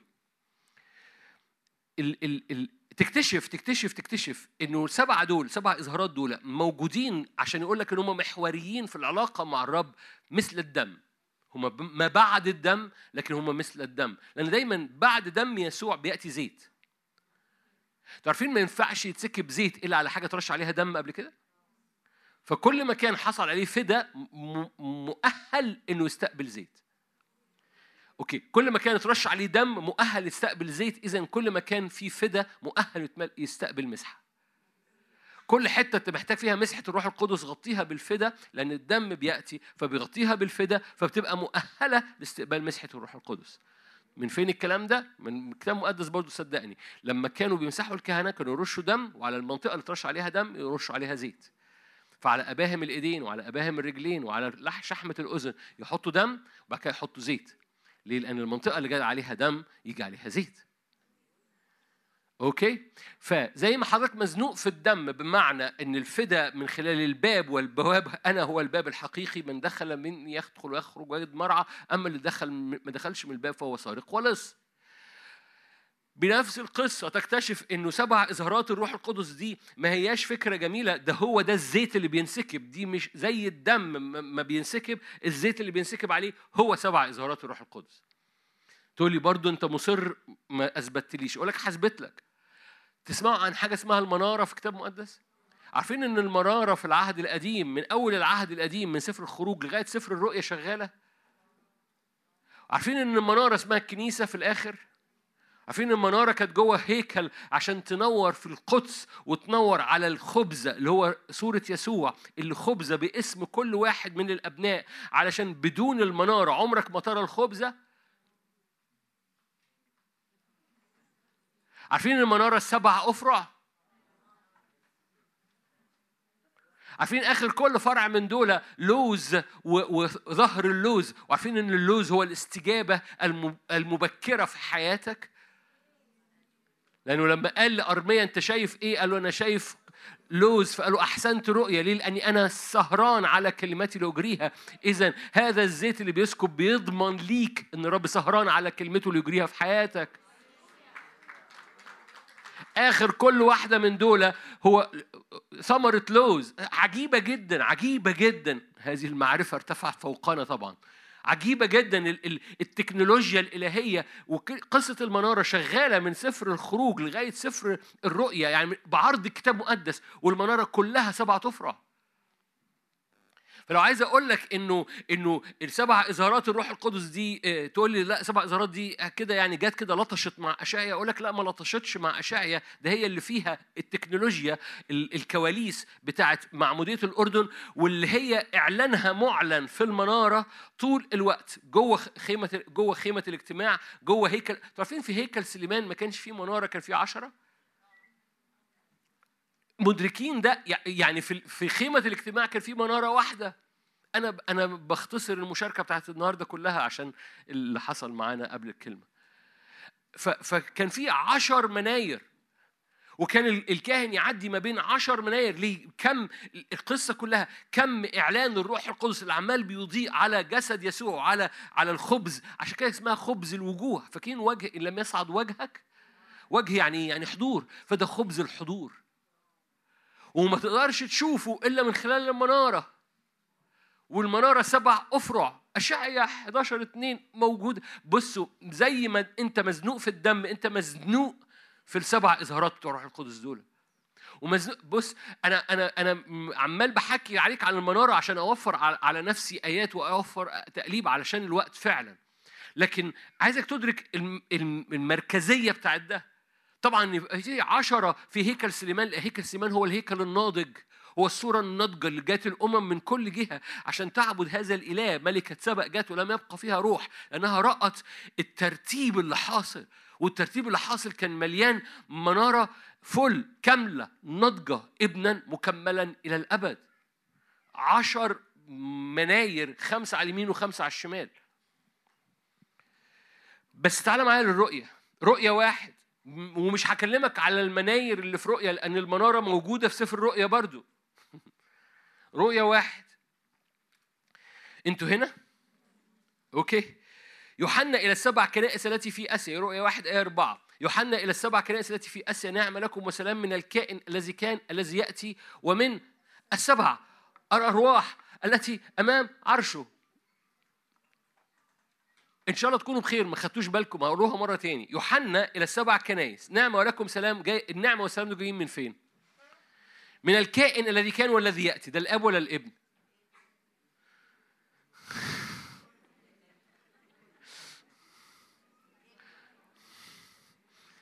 وصارت همهمة في الجموع okay ما قالش لا من الآب طبعا. لأنك لو بصيت أنا طبعا I'm not fair مش عادل في سؤالي لأن قال وراها ومن يسوع. فالأولانية دي من الآب. مرة تاني هقراها. من الكائن الذي كان والذي يأتي ومن السبع أرواح التي أمام عرشه ومن يسوع الشاهد الأمين. أوكي. اذا لما جاي يقول لك من الآب ومن الابن ومن الروح القدس ما قالش من الآب ومن الابن ومن الروح القدس قال من الآب ومن يسوع ومن السبع أرواح. أنا حريص إنها تنور. أنا ح... أنت مزنوق في السبع أرواح. أنت مزنوق في السبع زي ما أنت مزنوق في الدم. أنت مزنوق إنك تدرك السبع اظهارات أنا بحب أقولها كده السبع اظهارات بتاعت الروح القدس اللي هي كواليس معموديه الأردن اللي هي انسكبت على الابن الهيوس عشان الرب يسكب روح الهيوس في أبنائه. أنتوا نسيتوا العبرة غلطيا الرب س- في ملء الزمان أتى بابنه عشان ده ابنه الوارث. فرب يسكب روح ابنه فينا وإن كنا أبناء فنحن ورثة. فروح الابن اللي انسكب في معمودية الأردن هو السبع إظهارات مش دي مش دي مش okay اشعيا 11 مش اتفقنا إنها كواليس معمودية الأردن؟ okay. والسبع واشعيا 11 دي السبع اظهارات للروح القدس اللي انسكبت في المسيح يسوع ال υἱός الوارث. عبرانيين بيقول لك إن الروح ده هو اللي هينسكب روح الابن اللي هو السبع اظهارات روح الابن هينسكب في الأبناء عشان يبقوا هيوس يعتمد عليهم فيبقوا وارثين.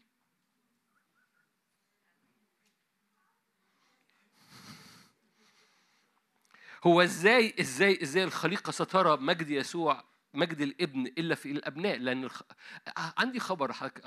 جم... في جمل شعبية جميلة قوي لو سألت حضرتك لو سألت حد في أي كنيسة قلت له آه، ال- الخليقة منتظرة إيه؟ هيقول لك منتظره يسوع. ودي جملة إجابة مظبوطة. الخليقة علاجها مين؟ علاجها يسوع. الخليقة منتظرة إيه؟ مجيء يسوع. الإجابة صح بس الإجابة غلط. لأن قبل مجيء يسوع الخليقة منتظرة استعلان أبناء يسوع.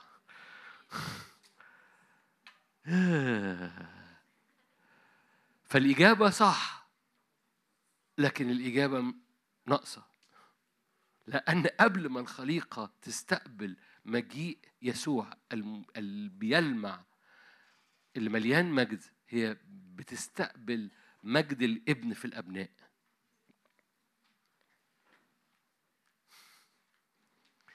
فيوحنا وهو بيحكي في رؤيا يوحنا فبيقول لك من الكائن الذي كان الذي يأتي ومن السبع أرواح ما قالش من الروح القدس من السبع أرواح التي أمام العرش ومن يسوع المسيح الشاهد الأمين البكر من الأموات.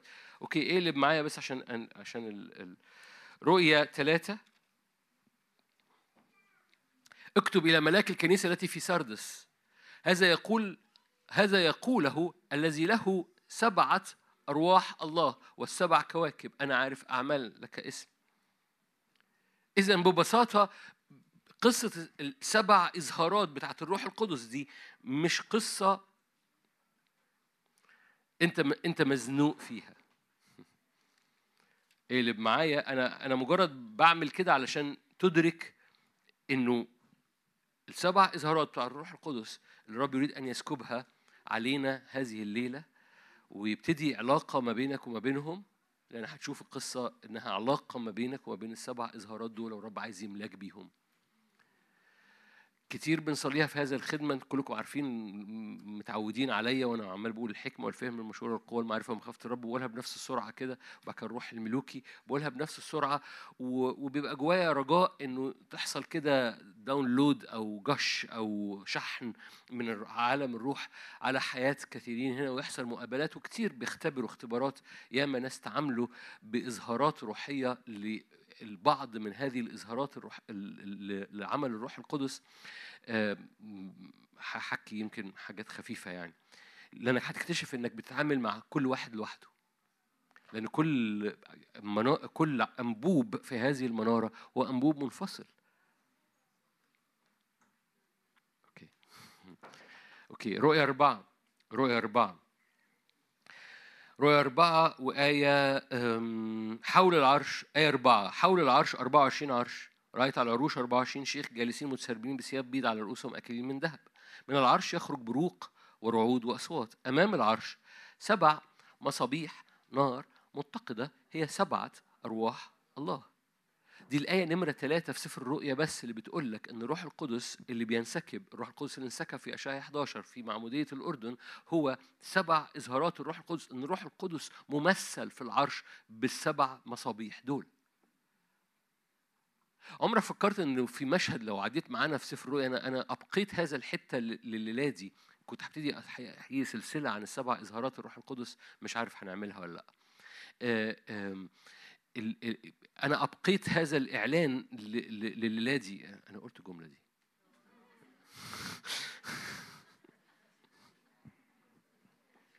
شريط سف.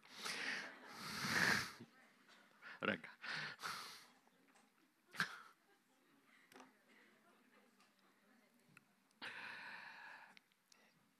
إنه إنه سفر الرؤيا هذا التعبير مكرر في كل مشاهد سفر الرؤيا ما تجيش لا ما تلاقيش تشخيص شخصنه للروح القدس إلا السبع مصابيح نار قدام العرش.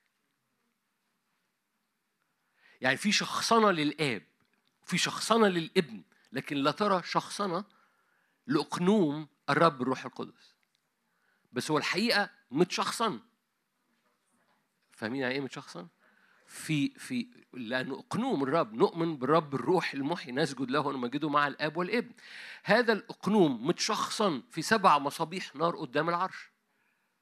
فهو حضرتك بتقف قدام الآب وبتقف الحمل القائم من من من الموت اللي مع مع مفاتيح الموت والهوية بت- بتقف في مقابلة مع سبع مصابيح نار مع شخصنة الرب الروح القدس. أنت مزنوق في هذا الإعلان.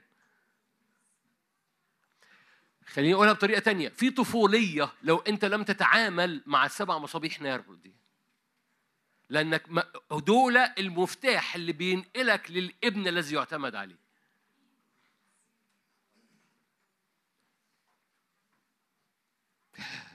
okay. okay ف- في رؤيا أربعة قال لك كده أمام العرش سبع مصابيح نار متقدة هي سبع أرواح الله. رؤيا خمسة. أنتوا واخدين بالكم؟ رؤيا خمسة آية ستة. رأيت إذا في وسط العرش والحيوانات الأربعة في وسط الشيوخ خروف قائم كأنه مذبوح وله سبعة قرون وسبعة أعين هي سبع أرواح الله. فهنا مش بس مصابيح نارية لا ده دي قوة والرؤية. سبعة قرون وسبعة أعين التي هي سبعة أرواح الله المرسلة إلى كل الأرض. ده بي- بينقلك ده, ده الروح القدس اللي بيرف على وجه الأرض. ف... ما أعرفش واخدين بالكم ولا لأ. فالسبع قرون قوة والسبع أعين بترف في الأرض كلها ليتشدد مع الذين قلوبهم. وهذا أعين الرب تجول ليتشدد مع الذين قلوبهم كلها ناحيه زربابل لما ابتدى يبني في المنارة في زكريا أربعة فاكرين المنارة؟ في زكريا أربعة لما ابتدى يبني يقول لك أعين الرب تفرح أولئك السبع إنما هي أعين الرب التي تجول في الأرض كلها. فحركة الروح القدس هي سبع أعين سبع قرون قوة سبع مصابيح نار حوالين العرش موجودة قدام العرش لأن ده الآب والابن والروح القدس وبتتحرك مرسلة من العرش متحركة في الأرض كلها.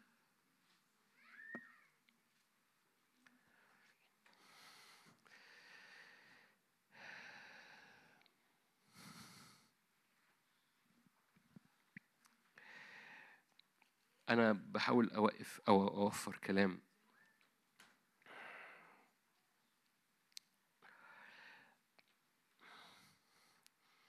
أحبائي لما ترى المنارة في زكريا أربعة لأنه لأن زكريا أربعة ده ال- المحوري عندنا في الخدمة.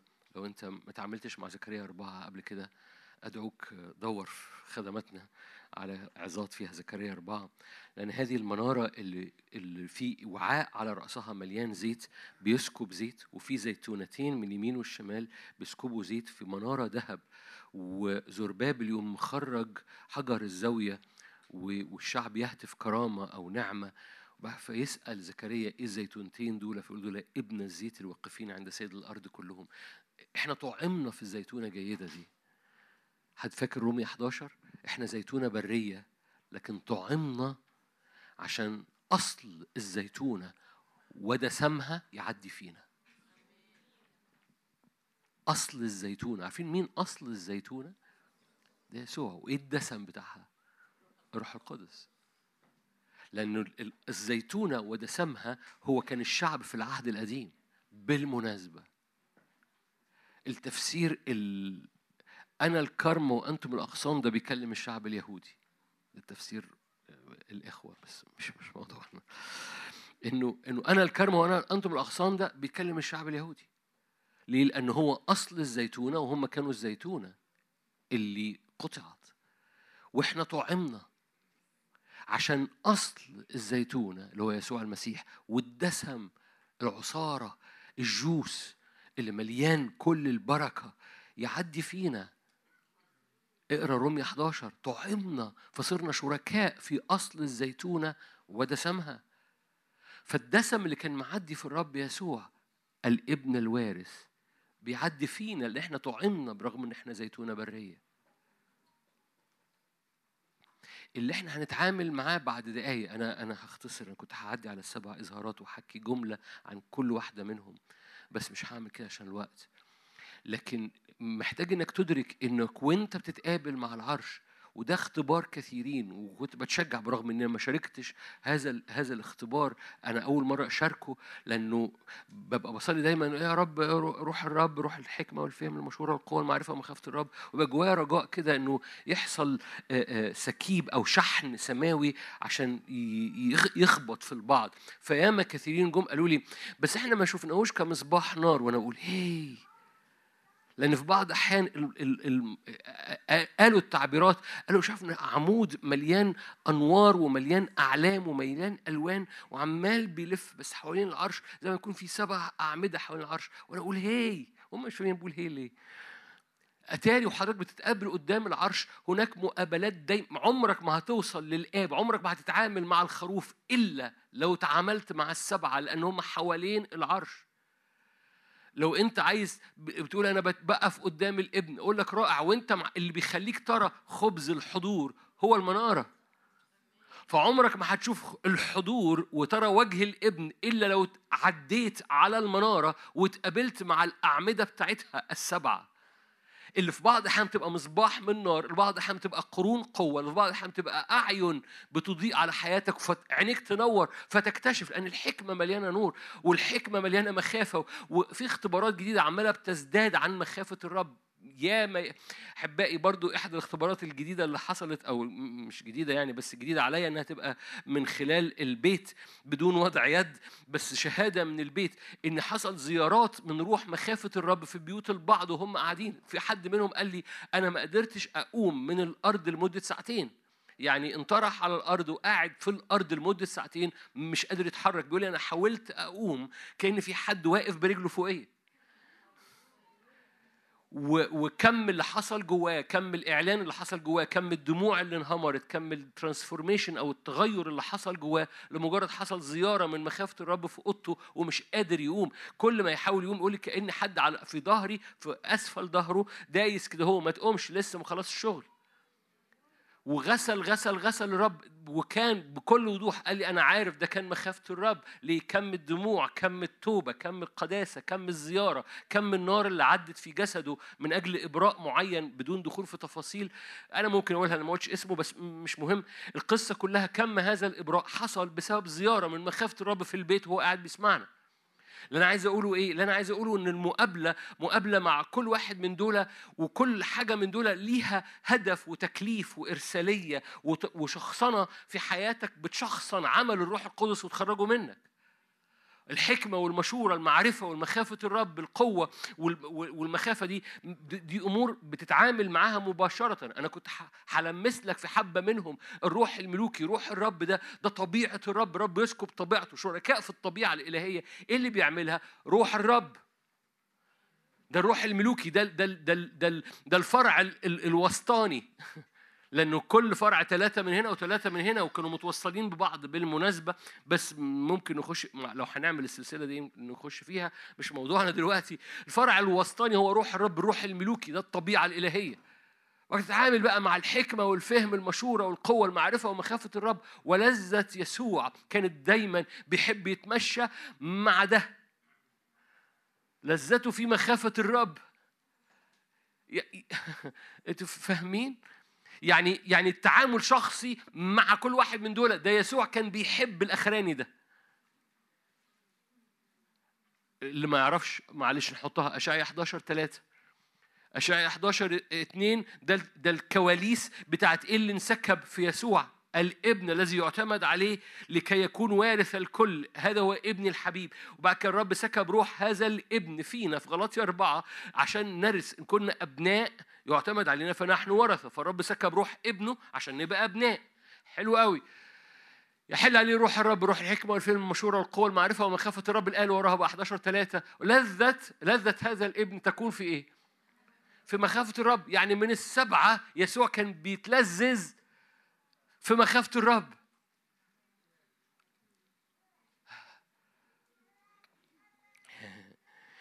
لو انت لو انت بتصور ان ال- المستوى عالي عارف روح الحكمة ده كمثال. فاكرين بصلائيل اللي كان بيعمل اختراعات ده روح الحكمة.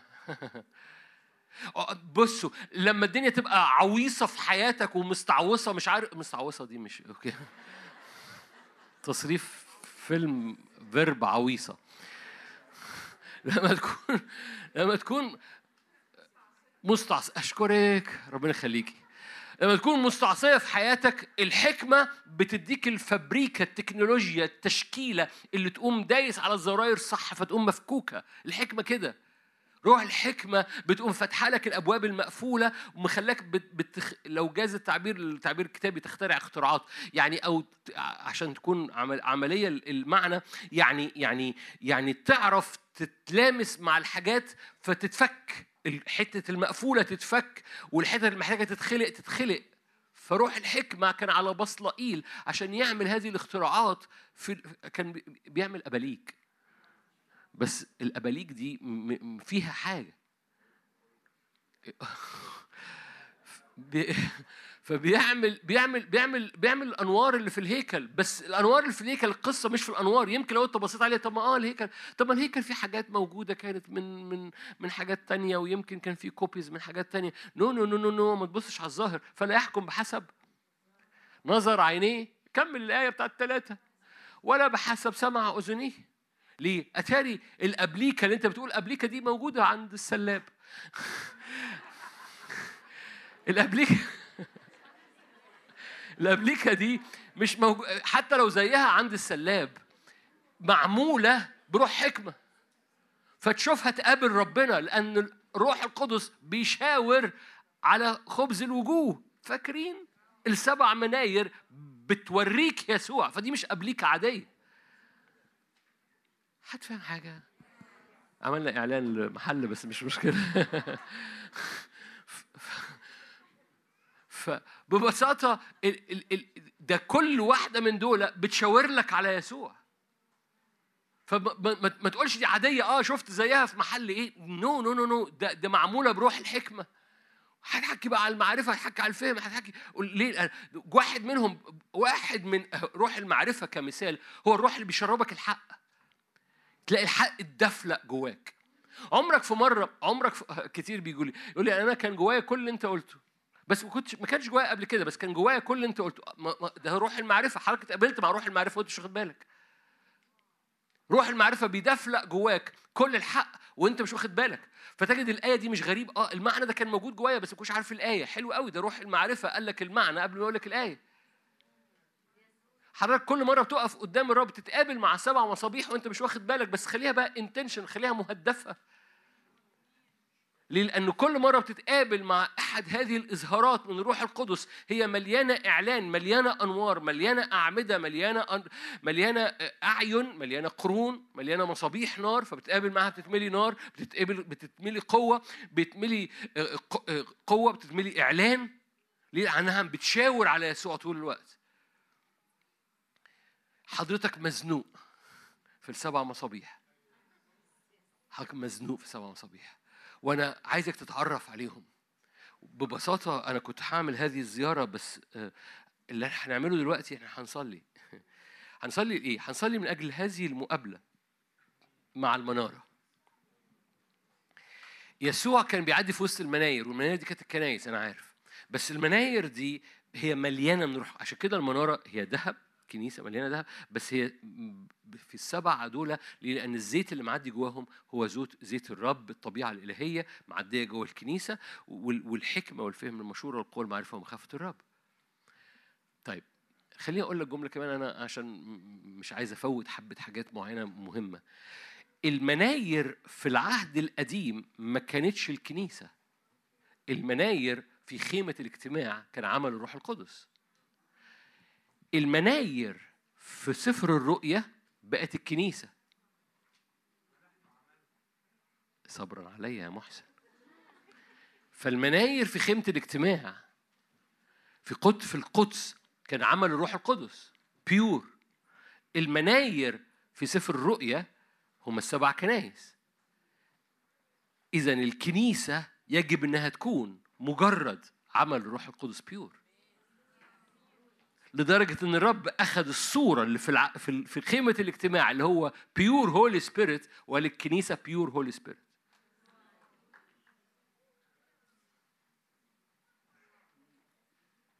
البعض خد باله والبعض ما خدش باله يعني إيه؟ اتقابل مع السبعة وهو هيقول لك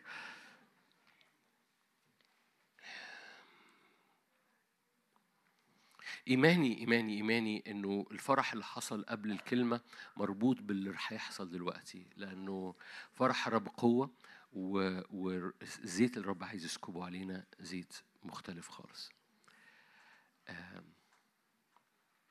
هنشوف هنصلي إزاي بس خلونا خلي الفريق يطلع طيب.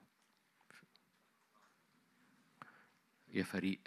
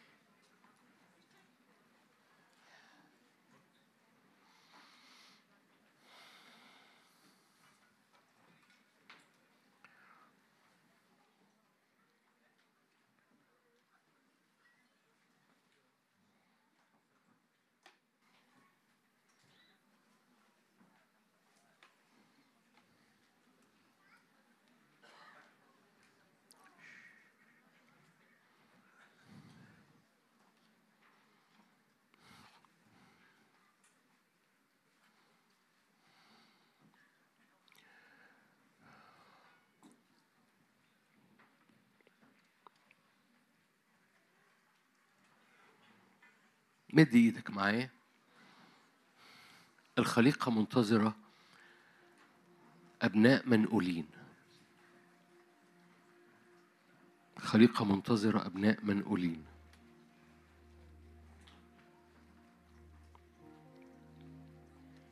الخليقة منتظرة هيوس. استعلان الهيوس بتوع ربنا.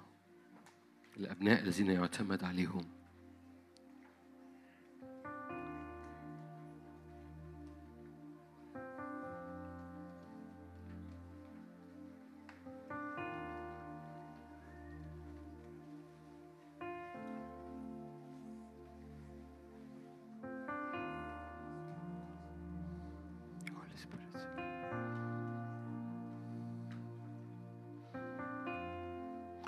القدس مش قوة طايرة وإن كان في قوة روح القدس مش نار طايرة وإن كان هو نار.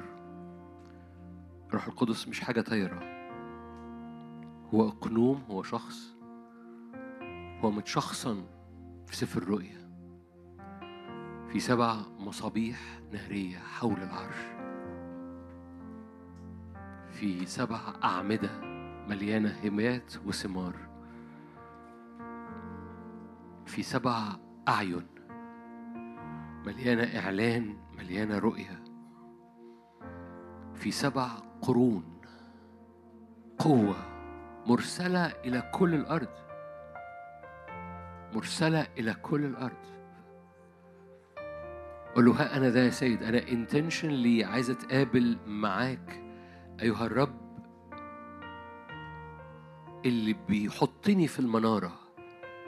اللي بيحرك المنارة حواليا اللي بيضعني وبيكشف عن عينيا عن هذه المنارة اللي أنا واقف وسطيها وعمل الروح الكامل اللي بيطلع ابن مكمل. هو عمل الروح الكامل اللي بيطلع ابنا مكملا إلى الأبد. عمل الروح الكامل مش ثمار أو هبات عمل الروح الكامل هو السبع مصابيح هو المنارة الكاملة.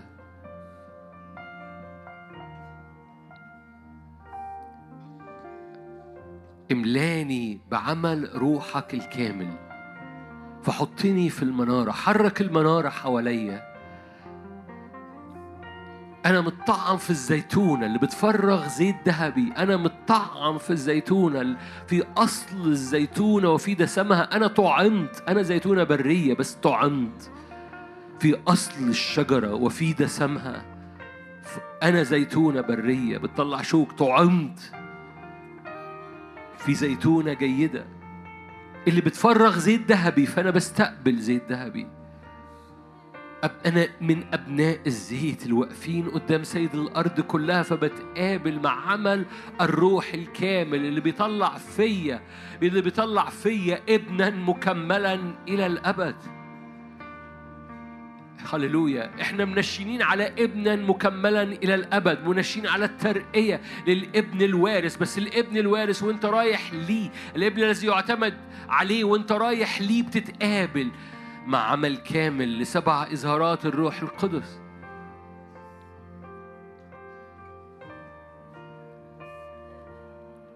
هللويا. هللويا.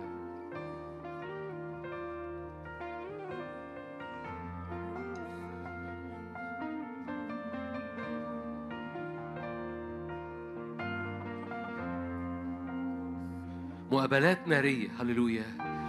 سيب نفسك في سيب قلبك وانت ناظر ليسوع. سيب قلبك و... وأؤمن أؤمن أؤمن. الرب هيفتح عين عينيك لكي ترى مقابلات مع أعمدة نار بتعدي قدام عينيك وبتعدي قدام روحك وبتعدي جوه قلبك. وعمود وراء عمود من هذه الأعمدة هذه المصابيح النارية. سبع مصابيح نار كأعمدة نار حوالين العرش. وانت تتقابل مع لأن العمود دي العواميد دي بتلف. أنا ما حكيتش معاك إن المنارة دي كانت بتدور ما كانتش ثابتة زي المناير اللي بتتباع دلوقتي. لكن هذه المنارة كانت على axis وبتدور. فهذه الأعمدة بتدور على قلبك بتخش جواك وت- وتعدي جوه أحشائك. فتقوم نقلة طبيعة ونقلة طبيعة إلهية ونقلة. سكيب من الحق وسكيب من المعرفة وسكيب من المخافة وسكيب من الإعلان وسكيب من ويعدي مصباح ورا مصباح من النار عين وراء عين من أعين الرب قرن وراء قرن قوة وراء قوة. تتأيد بالقوة بروحه في ده روح القوة. عارفين الآية اللي بنقولها دي في أفسس ثلاثة تتأيد بالقوة بروحه في الإنسان الباطن؟ ده روح القوة ده واحد من السبعة. تتأيد بروح القوة في الإنسان الباطن. هللويا. فأعبر بأعمدة النار جوانا. أعبر بأعمدة النار جوه قلوبنا وإحنا بنتقدم قدامك. اطلب قول له انتنشنلي أنا عم مهدف. بتحرك تجاه أعمدة النار اللي حوالين العرش. وبطلب إن السبع أعمدة السبع مصابيح. السبع مصابيح اللي في المنارة يعدوا جوه روحي. مش فاهم كل حاجة بس بطلب شغلهم.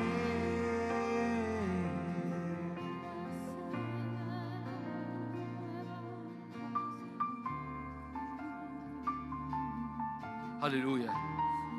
باسم الرب يسوع باسم الرب يسوع باسم الرب يسوع باسم الرب يسوع. مقابلة من على النار مد إيدك معايا. أؤمن ترقية في الروح أؤمن ترقية. الخليقة منتظرة الخليقة منتظرة الهيوس دول. الخليقة منتظرة الأبناء دول. الخليقة منتظرة هللويا هذه المعمودية روح الابن في الأبناء. مد إيدك أنا عايز روح الابن في الأبناء. وروح الابن هو السبع مصابيح روح الابن هو أشعيا 11 فمد إيدك وقولها بس أنا أنا بستقبل روح الابن في الأبناء لأني ابنة بستقبل. أريد أكون ابنة وارثة.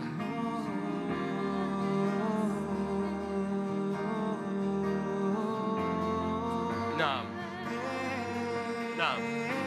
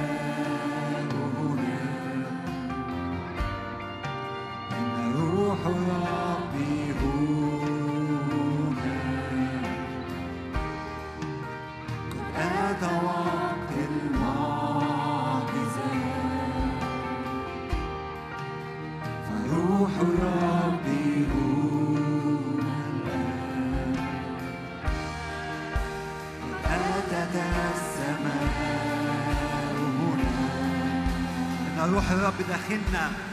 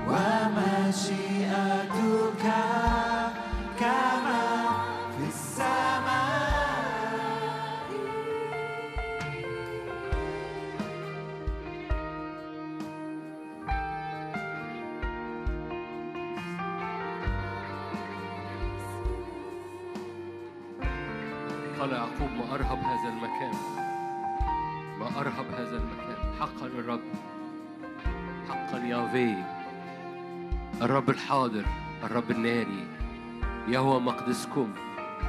يهوى يرأى الإليون الرب الناري الرب القدير. الرب الإله روح الرب. هللويا.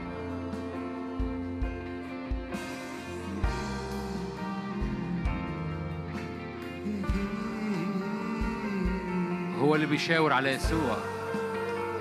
الروح بيمجد يسوع. الروح اللي بيعطنا بيعطشنا الأكتر. بيطلع يسوع فينا. تجلي يسوع بيطلع في الأبناء. الابن الوارث بيسكب روح الابن الوارث فأبناء ليرثوا الابن الذي يعتمد عليه. روح هذا الابن بينسكب.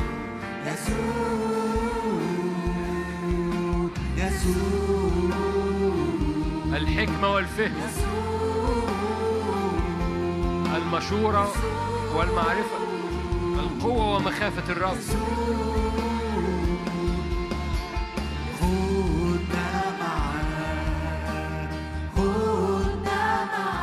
اكسبنا أكتر. اكسبنا أكتر.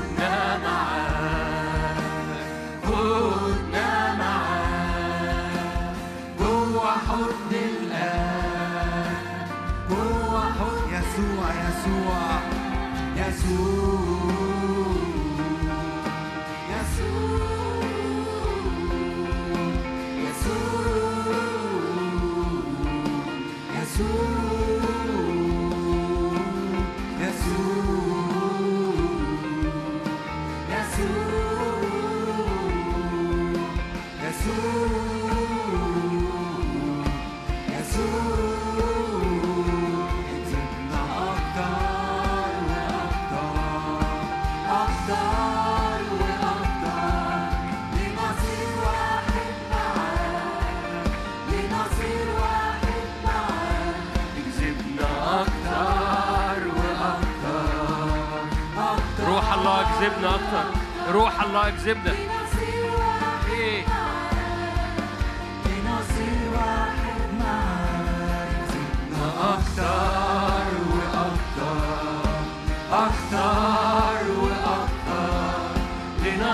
واحد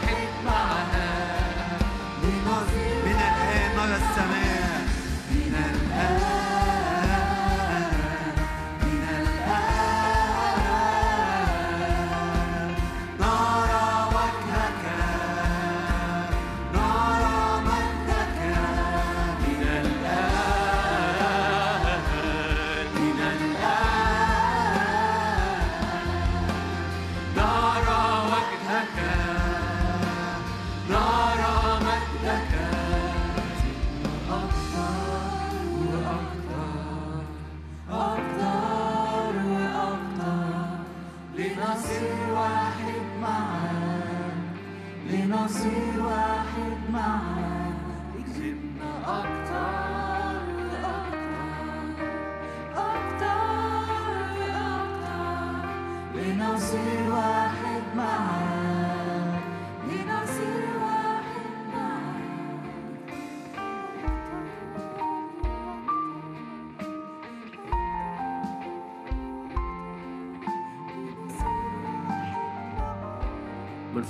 بصوا على الشاشة علشان في عربية محتاجة تتحرك. فاللي عربيته معلنة في الشاشة محتاج يتحرك.